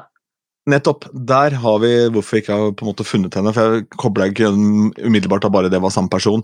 Men øh, det var en periode hvor kvinnelige DJs hvor en del kjendisdamer også spekulerte i at de bare kunne gjøre en DJ-gig, og ikke skjønte at de trykka play, da. Eller knapt det, kanskje. Eh, og fikk ganske mye penger for å da være kjent fra reality-TV eller blogging eller hva pokker det var. Og Altså, hvordan får man bukt med det? Det er litt sånn som jeg har lyst til å kunne si til folk at jeg er bryllups-DJ, og at det er noe som man assosierer med, med et fag. Ja, ja. Eh, nå når du sier at du er bryllups-DJ, så ser man for seg en sånn klovn borti hjørnet fremdeles. ikke sant? For det er så mange av de som rett og slett ødelegger bryllupene til 27 år gamle jenter, og det vil jeg til livs. Og hvis du føler på en litt skam nå, så slutt å ta de jobbene. Det mm. fins masse bryllup hvor du er den beste. Ring meg, så skal vi få deg på de jobbene, så skal du doble hyra di. Og så kan vi sende riktige folk til Mari og Petter, og så kan de få en fin fest, og så kan du slutte å drite deg ut. Det var dagens. Nei, det er bra. Nei, altså, jeg er helt enig. Det er akkurat det jeg driver med som uh, bookingagent. Det er å plassere DJ-ene til rette jobber. Det er jo kjempeviktig. Jeg uh, som sagt, har gjort en del sånne bryllup i Italia, faktisk, og i Norge. Men uh, det er liksom det der å på en måte Det er faktisk en av de vanskeligste jobbene jeg gjør. Det er, de, det er bryllupsjobber. For at den største dagen, og alle har ulike preferanser. Men jeg bruker alltid å ha møte med brudeparet og forberede i god tid. da. Ofte face to face? Ja, face to face. Jeg har vært hjemme hos mange par. og De skal være trygge på at jeg leverer det jeg vil ha. Men det som skjer ofte når du er bryllupstid, er at alle skal på en måte opp og Det skal skje masse ekstra som du ikke vet om. Folk skal mm. plutselig det og det og det og det. og det. Det må du kunne håndtere på en veldig profesjonell måte som eh, DJ, særlig i et bryllup. da. En bursdag er det kanskje litt annerledes, men ja. Så det, men jeg har gjort eh, masse sånt, da, egentlig. Så, mm. Og det, alle som spoler tilbake en gang til, tredje gangen nå, men eh, på den der høydepunktlista mi så står det, det jo Øyafestivalen, Slottsfjell, Trænafestivalen eh, jeg var med å åpne den Hermé-butikken i Oslo, den franske. og så Det er veldig spennende, altså bredde i alt, da. Og så var det Bergen Filmfestival og de greiene der. Og så er det øh, Jeg har spilt DJ på TV, VG-lista Altså det har vært masse forskjellig egentlig hele veien, da. Så jeg tror liksom det er noe som trigger kunden også. Jeg må ikke nødvendigvis øh, Ja. Og så er det trygghet i at jeg er musiker, tror jeg også. At folk eh, vet at jeg er låtskriver og instrumentalist. Og det er akkurat det i forhold til den derre Å hele tida trykke på den knappen Oi, nå skal tempo bare møte hverandre, ish, DJ-ing, skjønner du? Mm. Jeg har alltid bare miksa på øret. Ja, og her er vi inne på noe som jeg synes er, som vi kan nevne her, som kommer kanskje å sjokkere en del folk eh, i, i salen, holdt jeg på å si. Men jeg, et, av de prosjektene som jeg er mest fan av om dagen, som heter Team Rogosa, og det er, er rett og slett verdens søteste ektepar. Eh, for det er en vanvittig god scratch-DJ. Jeg tror han er tre ganger DMC-champion, enten regionalt eller nasjonalt i USA. Um, og er verdens hyggeligste mann. Altså. Jeg, har, uh, jeg har sendt han en melding en gang da jeg var pandemi og ikke hadde penger, og så trengte jeg en edit av et eller annet, så lagde han den for meg bare fordi jeg er litt sånn frekk og spurte. Men han syntes så synd på meg som satt oppe i Norge, for det var kaldt og jævlig her. Og så bare fiksa han det. Men han er gift med verdens kuleste dame, som er da en sånn bitte liten jente med blått hår som spiller gitar som et helvete. Hun var leadgitarist på Cirque du Soleil, eh, den de Immortal Michael Jackson Tour-greiene, over hele verden. Eh, og de gjør da en vanvittig god scratch-DJ med cutting og full pakke, og hun på ordentlig rockegitar. da. Eh, og det er dynamitt, ikke sant? Men hun har absolutt gehør, så det holder. Og hun sa det at hvis du er opptatt av å mikse i key, så kan du ikke belage deg på verken Serato eller recordbox. Mixed in key er by far det nærmeste. Dette blir veldig teknisk, da. Men hvis du Og det vi snakker om med sånn derre fussy key-mixing, at du bare kan hoppe rett opp og ned på den Camelot-wheelen hvis du driver med det, og baserer deg på det, så må du passe deg litt, liksom, fordi du kan ikke stole blindt på at det som noen sier stemmer. Det er alltid noen unntak, og som du sier, øret må inn i miksen her. Det er det Mm. viktigste. Ja, ja, ja. Det er liksom eh, Ja, jeg, ja, jeg syns det er morsomt. Det er forskjellige ting, men eh, det er liksom Det der Alle driver og ser på key, keyser, altså toneart hele tida, liksom. Det der, kan, der kan det være helt off for min del, men det kan funke likevel. Ja, ja, ja. ja, ja. Nei, altså, jeg har aldri brydd meg om det. Aldri. Nei, men, men det er nok fordi, fordi du har brydd deg om det likevel, for du har laga musikk, vet du. Ja, det er det. Ja. Nei, det, er akkurat det. Så det er liksom, jeg føler at uh, DJ, de, de nye DJ-ene tenker annerledes enn det kanskje jeg og du gjør, da. Det tror jeg nok. Hvordan er det å være bookingagent, egentlig? Hva, var det en stor overgang? Uh, ja, det var det. Men deilig også, egentlig. For at eh, altså, det, er, det er livsstil, det også, egentlig. For det er jo Du må være tilgjengelig hele tida. Altså når Ja. folk er på jobb. Altså, du jobber jo sju dager i veka. Det er jo Mm. ikke en av åtte til fire-jobb uansett. Så det er liksom det der å følge opp forskjellige typer personligheter er jo utfordrende i seg sjøl, det også. Eh, og så er det det å Jeg vil jo at alle skal være happy eh, med å være hos Popjoy. Og føle at de får igjen det de på en måte investerer også. Og eh, Nei, også dette der med å At hvis det skjer et eller annet, så er det jeg som er ansvarlig. Mm. Det har jo vært en del episoder med noen som ikke vi jobber med lenger. Så ja. Eh, Mitt, min mission er at folk går på jobb, er hyggelige, oppfører seg skikkelig, gjør en bra jobb. Og leverer det jeg ønsker også i form av bilde og video til uh, Insta og Snap og det vi trenger da, for å promotere det vi gjør. da, og kun Hvor hardt eh, pusher du arrangørene i deres rolle i dette? For det er viktig at de forteller hva dette stedet skal være, og så er det viktig at det faktisk er reelt, og ikke hva de skulle ønske det var, hvis de på en måte hadde vært den klubben som de trodde de var. Hvis du skjønner hva jeg mener? Ja, men altså jeg føler det har gått egentlig ganske greit. Og så er vel, jeg ringer heller kunden La oss si det er en eventjobb. Du har en dyre som skal til Kongsberg nå. Uh, spiller to events. Og det er et kjempesvært firma. Og det, da er det veldig viktig at jeg har en sånn tett dialog. Egentlig ikke hver dag, men i hvert fall snakka masse. For det er det viktige for meg å ha oversikt i forhold til logistikk og kjøre plan og reise og ditt og datt. sant? DJ-en er avslappa på bare kommer hit og plugger inn og gjør jobben sin. Da skal alt annet skal jeg fikse. Ja, jeg har jo en, eh, har jo en Og det, og det, for, og det er ikke for alle. Det er så litt deilig å sette Ja. egoet mitt litt til side. Det syns jeg er så deilig. Mm. Og bare for å være litt sånn eh, Ja, de kaller meg DJ Mama eller Boss Lady, ikke vet jeg hva de kaller meg, da, men det er liksom eh, Ja, jeg liker å ta vare på andre, jeg syns det er veldig hyggelig. Det gir meg ekstremt masse. Og så er det også veldig frustrerende, for hvis det skjer et eller annet, så er det jeg som på en måte får skiten, da, ikke sant. Og det er sånn er det Mm. når du er sjef, liksom. Det, og så tror jeg en del Så er jeg ganske direkte som person, så jeg tror en del menn i i eventbransjen og ja, som sitter rundt omkring som arrangører, for det er jo mest menn, uh, syns det er ganske ok å forholde seg til meg, for jeg er veldig sånn dit, dit, dit. Jeg sier bare det som jeg lurer på. Jeg driver ikke og går rundt grøten, liksom. Men jeg tror jeg syns det er ganske ok. Det som er så deilig også, er at vi har vært i dialog om å gjøre noe sammen, du og jeg, og så får jeg en melding fra deg og sier at det her får vi ikke til. Og det er, det er betryggende for meg, for da kan vi gjøre noe sammen senere. seinere. Fordi da sender ikke du bare et menneske til meg fordi du skal fylle opp en slott og tjene noe penger. For hvis det Nei, nei, er feil DJ, så er ikke jeg så interessert i å jobbe med hun der Marian, hun der jævla kjendiskjerringa som tror hun kan booke DJs. Nei, men skjønner du? Ikke sant? Ja, men det er viktig at jeg kun får det de tror de skal få. Det er liksom eh, Det er ekstremt viktig, sånn at ikke de får en sånn rar mail dagen etterpå bare Du, dette var helt mislykka. Altså, dette her var altså, funka, det var helt krise. Mm. Det var akkurat det. Det var sånn som jeg spilte for eh, UDI også, så var det sånn Typisk vi, dan vi, vi er ikke så flinke å danse. Og det var 600 pers der, og det var liksom dansing fra start til slutt. Så det var jo helt Ja, ja, eh, fantastisk å spille. Det var jo så artig. Og det er akkurat du må ha en katalog med det, som at du kan Du må kunne trylle litt, da. Du må innom veldig masse forskjellig for å sitte innimellom, i hvert fall på sånne tyngre ting. Og nå må du tørre å ta disse grepene. Du må tørre å ta den og den, eller den sjangeren, eller, eller det eller Mm. det. Og så må du Ja. Du må bygge rett og slett et uh, slott. Og så er det en fordel å ha øvd, så du på en måte har en plan og tenker litt framover. Altså sånn, du kan nok ta mye ut fra toppen av huet fordi du har vært veldig opptatt, du har vært veldig i musikk hele tida. Men noen som da ikke nødvendigvis har gjort det hele livet, de trenger kanskje å ha et sånt, at du har et sikkerhetsnett. De sier jo det at hvis du sparer den første millionen du tjener i livet, så kan du ta mye større risiko senere. og Det er litt sånn som DJ, og hvis du har et sikkerhetsnett å falle tilbake på, som da ikke er wannabe med Spice Girls hver gang, ikke sant? Ja, ja.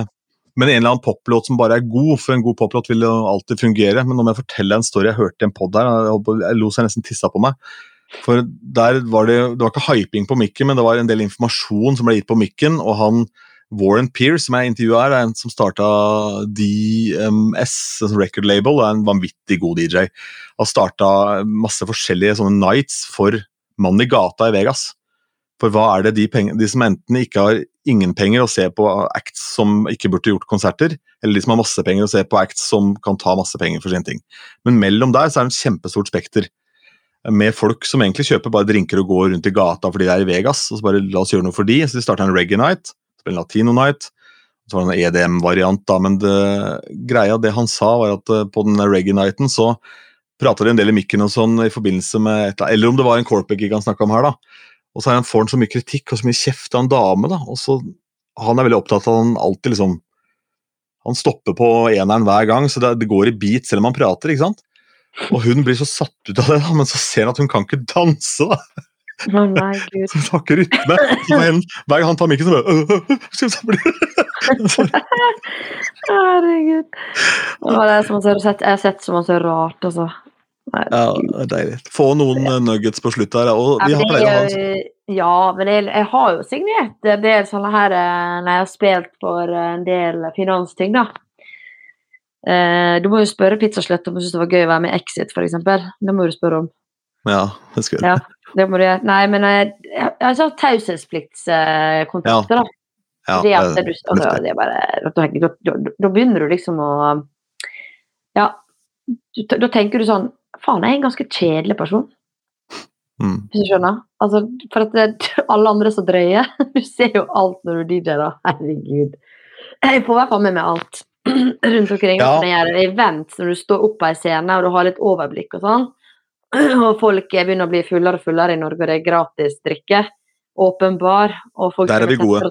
på DJ-en, da ser du i hvert fall hva som skjer, og hva som foregår. Mm. Nå er, det, nå er det kult, og sånn som du sier, med den der fine, gode, nydelige låta. Eh, særlig avslut, avslutningslåta. Det er interessant å snakke om. Hva avslutter ja. DJ-ene med? Det kan Fordi avslutte pleier- DJ-ene med. Det Vi er pleier å ha en spalte som heter Hall of Fame, som da er tre låter, men vi driter i dem, for du har droppa så mye nuggets underveis her. Så snakker vi heller om avslutningslåter, ja. Fordi dette er spennende. Hvis du har en signaturlåt Jeg har en DJ som jeg bruker mye, som alltid avslutter med Let It Go. Eh, fra Frozen. Han, Seriøst? ja, han des, lign, ligner dessverre litt på meg. Eh, han er ikke så feit som meg, men han har briller, og så har han litt skjegg. Uh, så det kommer ofte folk opp og blir dritskuffa fordi ikke de har hørt Frozen. ikke sant? Nei. Men ja, det, det åpenbare er jo på en måte Det finnes jo noen sånn lysløypeting. Det er jo da I had a time of my life. ikke sant? Så Hvis du er i et, uh, hvis det er et veldig A4-bryllup, så da, da, da koser de seg. Ja. Um, ja, hva Ja, Der eh, har jeg tatt, der har jeg testa en god del, for å si det sånn. Uh, you, we are the world.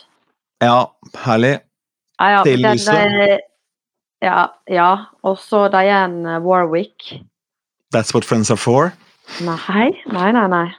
Å, Nei, keep smiling, keep shining. nei, nei, nei. du? Det blir for positivt. Find a way to San Jose. Nothing but a heartbreaker. Oh. Skjønner du? Jeg har også og Her skal du få en som du må bruke i disse dager. Så du ljomer etter. Og så blir du sett litt rart på av noen, men du må kjøre alt for Norge. Å nei, pga. Drillo kommer dokumentar. Ja. Nei, jeg vet hva, jeg liker ikke fotball. Det skjer ikke. Glem det, liksom. Nå skal du få en av meg som eh, du ikke har tenkt på. Ja, nå er jeg spent. Johnny Nash, 'Rock Me Baby'. Å, den er fin. Nydelig. Men Den var kan du få i Norge. Meg, Da Ja, skal ha mer? Eh, vi har jo åpenbare ting, da. Remix. Queen, ikke sant? Nei, du skal avslutte med Sigrid. Remix som er helt nedpå. Don't kill my vibe. Ja. Så Den, altså, hva er den remixen jeg har? Altså, det, det, det blir så fint at det, folk Alle holder hverandre i en sånn haug. Så fint er det. Jeg har uh, også gigasuksess. Det er en av de viktigste throwback-låtene for meg om dagen. Det er Fugees 'Killing Me Softly'. Den verste låta jeg vet om. Hva faen? Ikke vær så jævla kul, da! Jeg liker ikke den! Seriøst, jeg har aldri likt den. Jeg, seriøst, jeg får helt spade den låta der. Da må jeg nesten gå ut. Jeg vet ikke hvorfor. Nei, nå er du slem. Nei. Nei, men det var det med, med sånn midt i settet så kan du sette på uh, My Hump. Ja. Black Eyed Peas. Ja, ja, ja, jeg elsker Black Eyed Peas. Jeg gjør faktisk det, altså. Mm. Uh, og så liker jeg den derre Nei, vi kan jo snakke i altså, Skjønner du? Vi kan snakke i hund Altså uh, eh, Det er så masse snadder der ute, altså. Men det er litt det jeg mener jeg prøver å fortelle DJ-en min også. At det, rot litt i eh, 60-tallet. Rot særlig i 70-tallet. For da kan du spille masse deilige Bee Gees og litt mer Mm. sånn diskoting. Det liker jeg å spille. Sist Sledge, og jeg liker å spille liksom sånn derre um, Ja, alt Nile Rogers har vært det er så masse bra, vet du. Det, er jo så masse fantastisk. Der, det der, der kan jeg rote masse i. Motown-musikk, altså. Det Mm. elsker jeg. Eh, gammel, varm, organisk musikk syns jeg er kult. Eh, og så kommer vi på 80-tallet igjen, da. Ja. Masse, masse, masse kul eh, greier nå med uh, Don't You Want Me Baby, skal jeg si. Human League. Remixer som er pakka Ja, men det er pakka inn i Ja, ja, det er ma- den der Purple Disco Machine-greia. ja, nydelig. Nydelig, altså. Så har du masse tøffe ting med uh, New Order. Ja.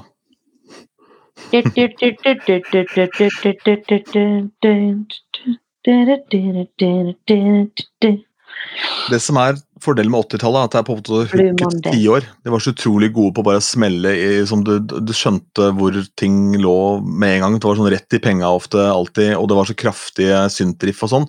Mm. Så hvis du da klarer å høre at dette passer inn, så kan du for eksempel, det er noe som jeg har blitt en staple nå, for det er tydeligvis en låt som folk ikke har miksa fordi i originalutgave så er den visstnok litt vrien, for den er ikke, den er ikke 4-4. Det er Jo. You Can Call Me Al med Paul Simon. Ja, interessant. For der har du ri-ri-ri-ri-ri, Og det har alle hørt, ikke sant? Mm. Ja, ja, ja, ja.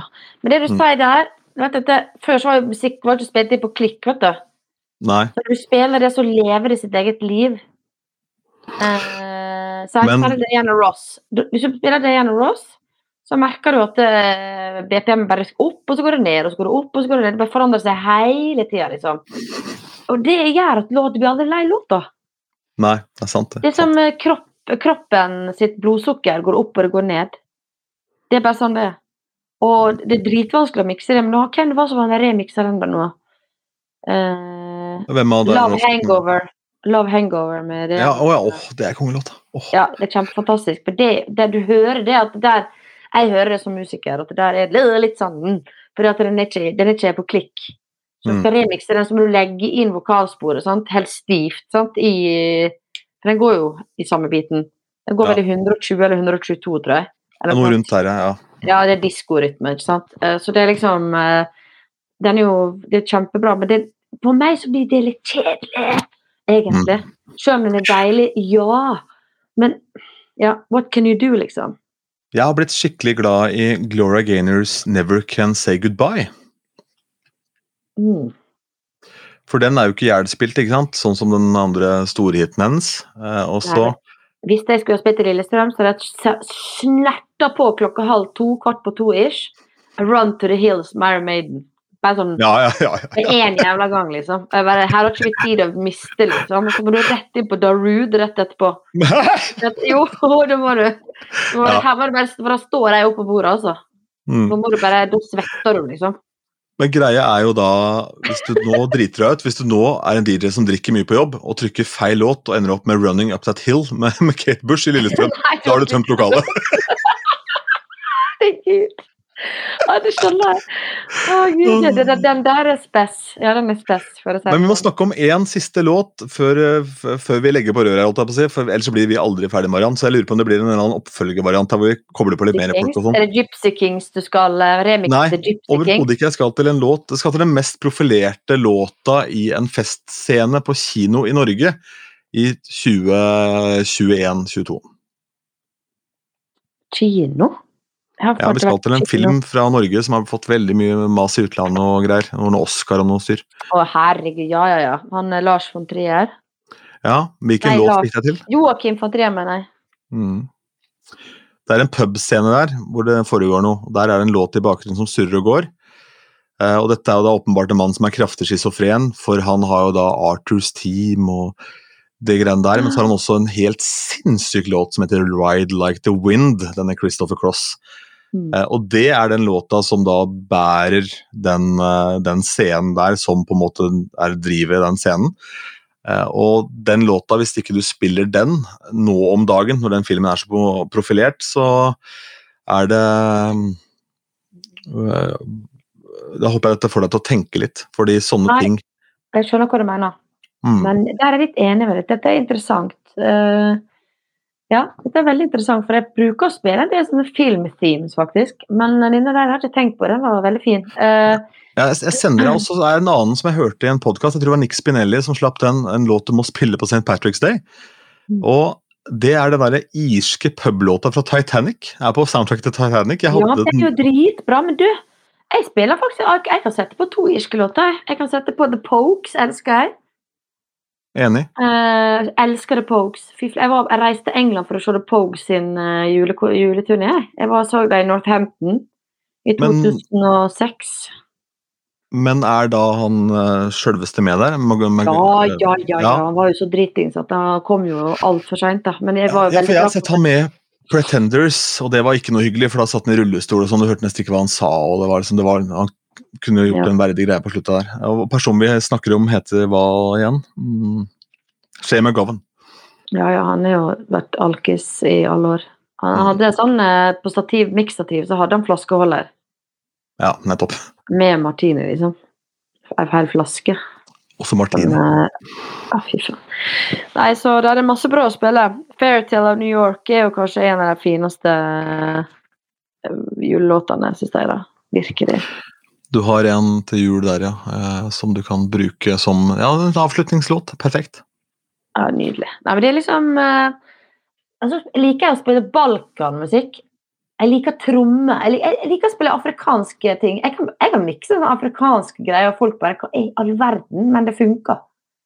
Mm. At jeg vil bare at folk skal høre på disse trommene her, eller høre på det hooket i den låta her. liksom. Det er jo helt magisk, liksom. Og så begynner du å mikse inn, da. La oss si eh, Black Eyed Peas med Latin girls, Spanish girls. Og det passer jo! For det er jo world music, det også. Mm. Da er vi inne på det som Quincy Jones var veldig god på. Produksjon. Det, altså, alt ligger jo egentlig sånn Hvis man nilytter på låter, da, på tromme- og basslinje og alt dette her, oppbygging av låter og sånn, så er det veldig masse som er veldig kult å spille sammen fra forskjellige verdensdeler. Jeg ble jo booka til å sette sammen musikk til den japanske ambassaden på Operaen i Oslo. Da kom jo de dit fra Tokyo, og så var det, hadde de laga installasjon, og så sto jeg der og spilte kun japansk musikk. Det brukte jeg lang tid på å sette sammen. Og da visste ikke hva jeg skulle. Jeg, jeg er ikke bevandret i japansk musikk, for å si det sånn.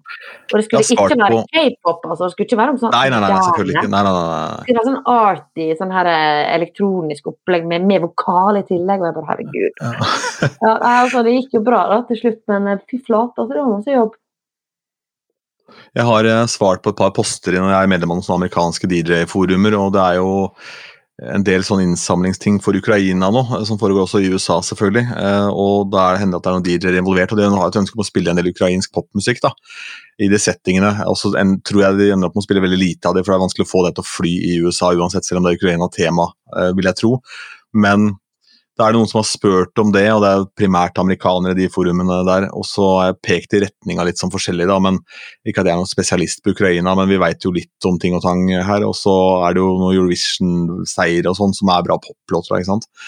Um, men det der å ha en sånn gjennomgående tanke på Det står på veggen min, jeg har disse tolv tipsa til Jazzy Jeff, og det siste som vi kommer innom her nå, tenker jeg, det er vel eh, et et av hans tips, og det er som følger Skal vi se Every set needs a takeoff, a flight Ja. and a landing. Oh yes. Helt enig. Jeg er så enig! Herregud. Ja, men det, det liker jeg. Det er egentlig de tingene jeg liker. Jeg liker takeoff, liksom. Og så liker jeg å dra den helt ned. for det ah, en- Publikummet mitt, eller folka som kommer for å høre meg, eller kommer for å feste, de må også få lov å puste litt og nyte musikken. Ikke bare ta en workout, liksom. Skjønner du? Det blir jo en workout for meg og for deg. jeg har sprengt eh, Jeg spilte på Pakkhuset i seks år. Jeg har sprengt anlegget to ganger. Det har du vel? Ja, og da fikk jeg høre sist gang jeg kom på jobb, nå går ikke det an å sprenge det, Mariann. Dette her anlegget kan ikke du ødelegge. Og da tenkte jeg sånn, shit, du er flink, tenkte jeg da. Det sa jeg til meg selv da. Som har gjort det. Da har du satt avtrykk. Ja. Vi oppfordrer ikke til å prøve å sprenge anlegget, det er ikke det det handler om, men det handler om at stemningen var så god at Mariann bare blei sånn. Ja, men jeg hadde noen lysestaker der som de skrudde fast, sånn som de gjorde i Kina med utstyret. da. For det holdt på å ta fyr hele er på slutten, Du må jo ha den episke avslutningslåta, men da, da bar folk på hverandre, og lysestakene gikk rundt i hele rommet. altså Folk ville løfte på alt som var i rommet. Alt bare flaut rundt, liksom. Og det kunne ikke ha noe av. for når jeg kom på jobb, så bare Nå har vi skrudd fast lysestaken, så har vi skrudd fast uh, de stolene der, og så har vi skrudd fast ditt og datt. Og jeg bare Herregud. Så nå kan blir som å være- blir som å være et sånt- Det blir som å være et escape room, liksom. Er, Ja. Jeg så en gang en, eh, en, eh, et bilde av noen som har tatt med seg For Old Irish Pub har jo en sånn leprechaun det det på hver eneste bar. Eh, og så var det noen som hadde klart å lure ut den. Da Da har jo vaktholdet en jobb å gjøre, for så vidt, tenker jeg. Da, for den er ganske svær. Og den var på, var med på trikken. Nei, nei. Herregud. Nei, altså, man har jo gjort masse rart på jobb, da. Altså, herregud, jeg elsker å spille. Jeg, altså, jeg, altså, jeg er fornøyd med livet. Jeg er dritfornøyd med å alt jeg har gjort med Surf Rosa og soloting og som eh, Ja, jeg har, vært, jeg har jo skrevet låter for andre. Jeg har jo hatt en Skrev en låt for fire-fem år siden i England eh, som eh, ble en hit i Kina for eh, to og et halvt år siden med Rocket Girl som heter Born to Win. Den er jo oversatt til kinesisk. Den har jeg tjent en del penger på, faktisk. Da har jeg, jeg skrevet tekst og melodi, altså topliner, som de kaller det i det store utland.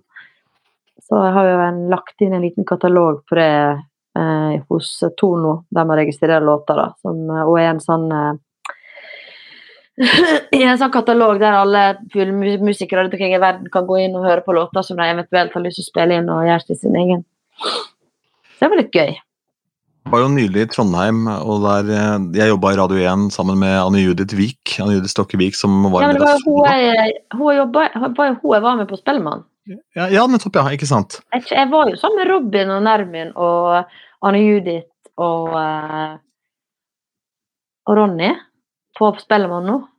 Ja, men det vi må snakke om i forbindelse med Anne Judith, skjønner du, er jo da en Facebook-post hun hadde om at nå er jo Sodapop tilgjengelig eh, så på Spotify omsider, for den har jeg venta litt på at skal dukke opp der. Og så, Åh, shit, er det sant? Det må Fy flott. ja, Det er jo helt rått. så er jo den skiva da skjedd noe rart i importen der, tror jeg, fordi eh, Skal vi se om jeg klarer å finne den uh, Jeg har lagra så mye bilder her. Skal vi se om vi har den her. Ja, kom igjen, da. Ja. Uh, Og på den plata så var det jo et par store hits, og en av de aller beste var jo denne um, Summer Delight. Den var jo så deilig. Men på denne plata så er det ikke Summer Delight, for der hvor det sporet passer inn, så står det Valley Boys med Hans Rotmo and The Valley Boys. Ja, ikke sant. I Spotify-importen. Og Anne Judith vet ikke hva som har skjedd. Nei, er det sant? Ja. Altså Men du vet jo, vet du hva? Har, jeg, jeg måtte bare si det til mest mulig folk jeg møtte på Spellemann. Se på disse folka der. Faen meg spill. Nei, altså, de har 40 nummer 1 Billboard-hits. Mm. Altså, det er så insane, det greia. der. Jeg begynte å skrive låter med Design Music i Trondheim for tolv år siden. Så jeg har vært med Nermin til Kroatia og skrevet musikk og Ja, vi skrev Jeg og Kjetil var i Trondheim, eh, gitaristen From, så vi var der for eh, to år siden og skrev låter. Så vi kjenner jo det gjengen kjempegodt.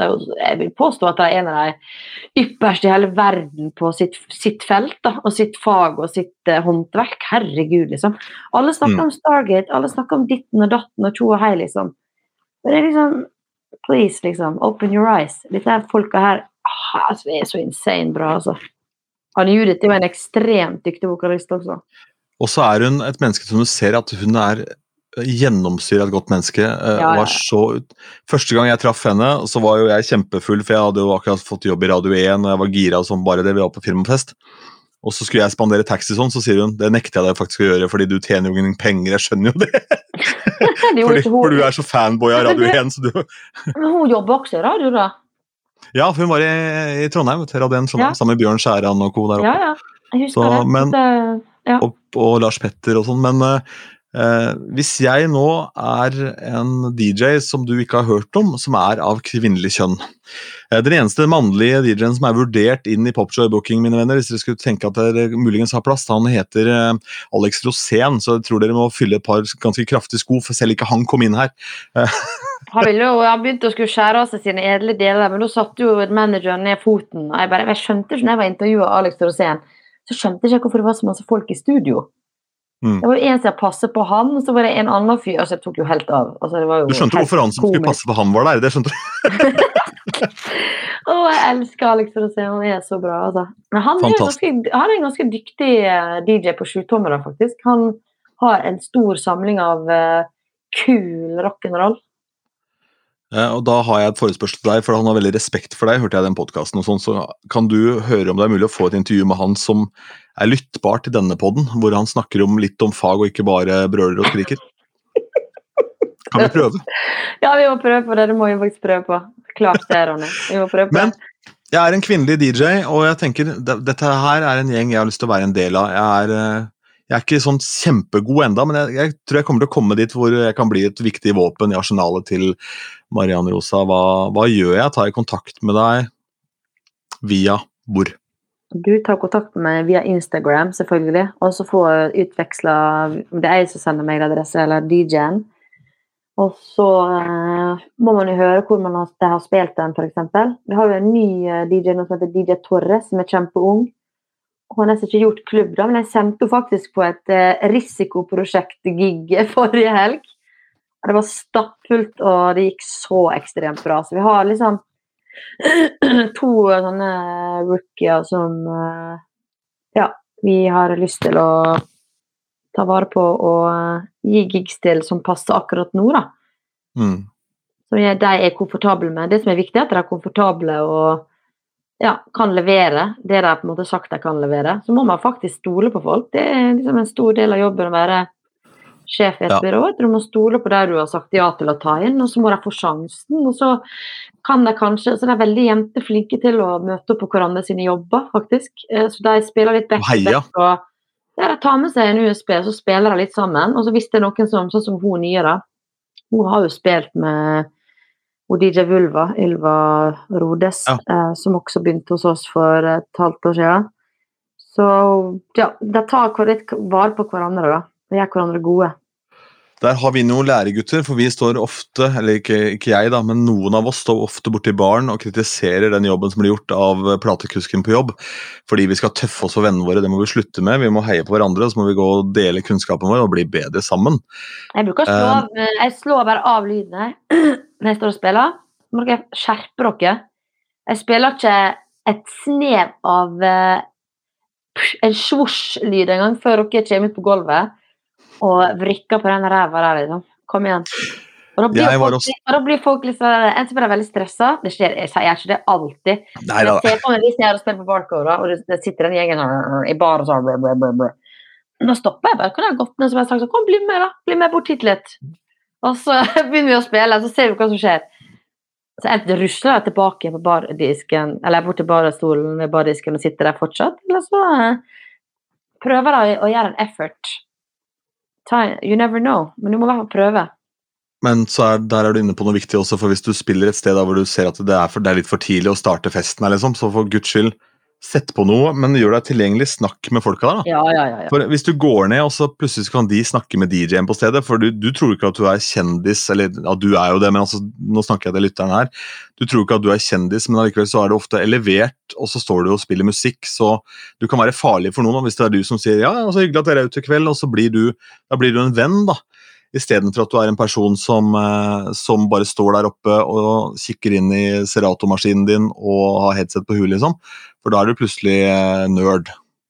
Ja, jeg skjønner hva du mener. Jeg liksom eh, føler at jeg eh, Hva skal jeg si um, Jeg er imøtekommende. For det kommer jo folk opp på, på event og på klubbgigs, Det kommer jo folk bort og skal ønske seg et eller annet, eller si et eller annet om det du spiller. Og man må jo Der er, har jeg på en måte god erfaring fra det å være vokalist og frontfigur, da. Og ta det Mm. ansvaret for publikum. Snakk til dem skikkelig, liksom. Ha respekt for dem. Uansett Ja. hvor kjipe de er. Ha respekt. Eh, men altså Jeg husker den verste episoden jeg har hatt noen gang. Det var jeg spilte på Garasje i 2003. Da måtte jeg sette på en lang låt og springe på do, så var det en fyr som stoppa eh, sperreveien for meg.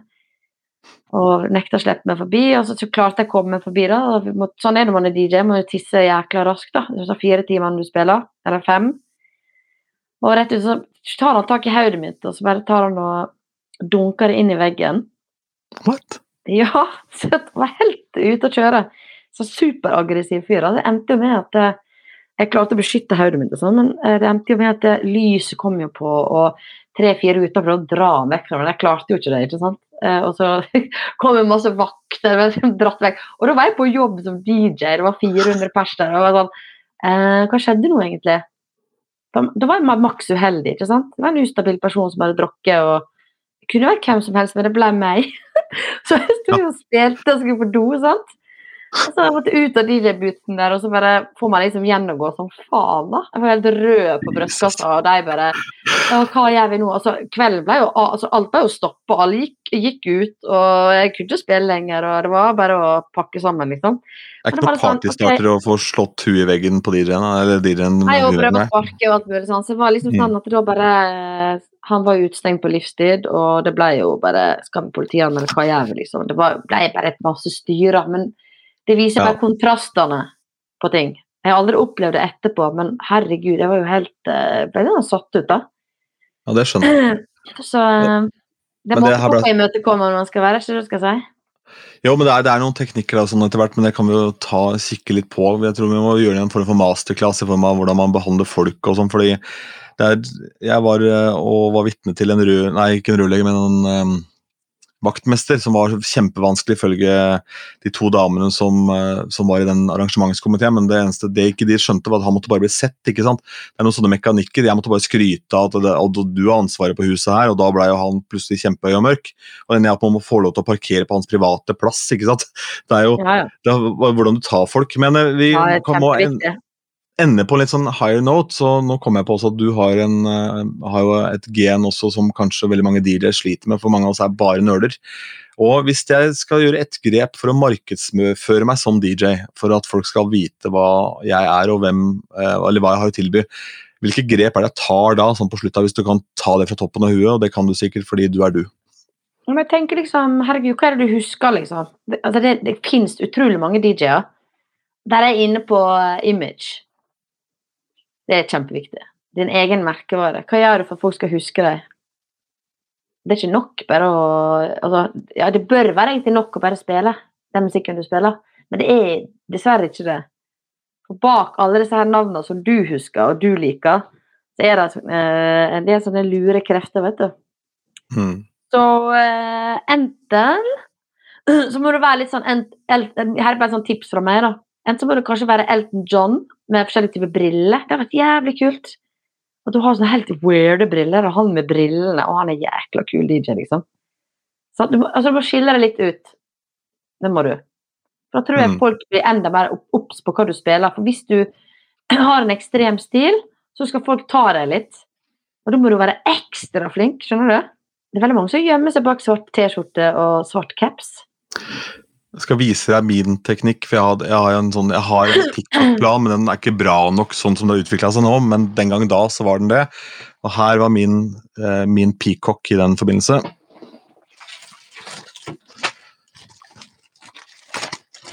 Dette er det altså da mikrofonhet i sølv. Oi. For alle har svart, ikke sant? Men da blir du han med Ja, sølvmikken. da. ja, ja, ja, ja. Men det er det jeg mener. Hvor er sølvdressen, da? Nei, Den orker jeg. Uff. Eh, Jeg, jeg vet ikke. Men jeg kan ta skjelettdrakta. Ja, Jo, og det har vært så Ja! Men skjønner du, jeg liker Jeg er ikke så sjølhøytidelig. Derfor liker jeg kanskje Sverige litt bedre enn Norge når det gjelder popindustri og musikkindustri, for de er flinke til å bare gjøre sitt eget stort. Hva vil du gjøre for å gjøre ditt, din merkevare større, da? Hva tenker du sjøl? Hva er det som gjør deg komfortabel? Hvis du måtte dra på 100 Ja, greia med meg er det at jeg, jeg er jo i en litt spesiell posisjon. for jeg har, Akkurat nå er jeg en veldig spesiell posisjon, for jeg er DJ på Norges største radiokanal. ikke sant? Så det er veldig merkelig. Og så er det sånn at jeg er en person folk ofte havner hos fordi de vet at jeg kan musikk og er interessert i all type musikk. Og det er på en måte det som definerer også litt av meg, er det at eh, det fins null dårlig musikk for meg. da. Eh, Og dette Mm. snakka jeg lenge i natt faktisk med, med Kjetil Johansen, som har vært gjest her i K-Mix, om at uh, ofte så er det Sputnik ikke sant, med den låta 'Skal vi skilles, Johanne', for vi har begge spilt for folk som har psykisk utviklingshemming på en eller annen sånn setting, hvor det er Mm. pizza, og så er det brus, og så er det en DJ der. Og den låta er jo da den viktigste låta den kvelden for de, og så får du høre så Sputnik, Sputnik, Sputnik, så står du og skriker på deg, ikke sant? Mm. Men så er Ole Ivars også helt ok i perioder. Så det handler liksom om hvilken låt passer for dette publikummet, og da er det en bra låt. Da kan ikke du stå og uffe deg fordi det er en drittlåt, liksom. Selv om det er, det er lov å velge sine battles òg på den greia der, men akkurat funker låta, så er den jo riktig der og da. Jeg har jo Nei, Som avslutningslåt nå, så har jeg spilt, eh, spilt eh, Lemon Tree. Nei, Den er fin! Den er kjempefin. Lemon tree, herregud. Det har jeg ikke tenkt på engang. Men jeg tror liksom det kommer an på hva man vil, da. Det er akkurat Mm. det. Enten så skaper du en egen sjanger, sånn som noen DJ har gjort. Ok, Du har Kygo Kygo. Tropic House, sant. Ja. Og så har du, du har mange forskjellige ja, DJ-er som har på en måte skapt sin egen greie. Eh, og så da tenker jeg sånn, Men likevel så må du på en måte pakke det inn i noe. Så man, Hva er ambi- ambisjonsnivået ditt? ikke sant? Det er akkurat det jeg mener. Mm. Eh, så, men vi, vi har jo liksom Men det er helt tilfeldig også, føler jeg, da, selv om jeg prøver å pushe det litt på at når, vi tar nye, når jeg tar nye DJ-bilder, at det, jeg må tenke litt igjennom hvem er du? Hvem er den DJ-en? Hva er det du vil? Hva er framtidsplanene dine? Eh, hva er det du vil formidle med å ha det på deg, eller det håret, eller hva, hva er greia, liksom? Og så må du bare eie det. Mm. Uansett så skal folk bare 'Oi, der er hun der! Å, fy flate! Der er hun! Hæ? Rått, liksom!' Men der er dere så heldige, fordi vi er jo idioter. ikke sant? Vi ender opp med ja, det er svart dress og hvit skjorte, for det er liksom det som er greia. ikke sant? Eh, og, og Ikke at jeg går i det hele tida, men er, hvis du er på en fest, en firmafest, så er, ser du jo stort sett det. Det er jo det folk driver med. Men jeg tenker at eh, kanskje sånt unisont eller universalt grep her for absolutt alle, hvis du nå kjenner litt på det, så prøv å lære deg til å ikke drive med dette, og det er å kikke ned med telefonen din først og fremst. Uh, en ting er Hvis du får en melding av mora di om at uh, hun har kjørt av veien, det går bra, da svarer du 'tusen takk eh, for informasjonen', og det setter jeg pris på å vite. Men du står ikke og tekster med dama di eller er på Tinder eller noe sånt, eller kikker ned i PC-en din. Prøv å se på publikummet ditt, prøv liksom å hvert fall vise at du er til stede der det skjer. da. For ellers så virker det ikke som at du er DJ. og så jeg er ikke så jævla flink til å danse, men jeg har laget min patent som bare funker. Jeg står og gynger litt sånn fram og tilbake. Og så er det, sånn, det er en radiogreie, for når jeg treffer ordentlig på et radiostikk, så tar jeg en knyttneve. For det er en sånn harry greie. Nå satt den, liksom. ikke sant? For da, Jeg ble litt stolt av meg sjøl, da. Ja, ja, ja. Eh, og det har jeg også endt opp med å gjøre på de råeste hookene. Så når jeg mikser en a cappella inn på Sweet Dream, så bare ikke sant? For den sitter jo. Eh, mm. Og da blir det jo han fyren som, er, som veit hva han driver med. For hvis den er i riktig phrasing da, så skjønner folk hva du holder på med. da. Eh, så i hvert fall hev blikket, fordi jeg tror det er utrolig mye dyrere som bare står og kikker ned i utstyret sitt. og det hvis ikke du veit hvor bassknappen er nå, så må du få deg sånn blindeskrift, da.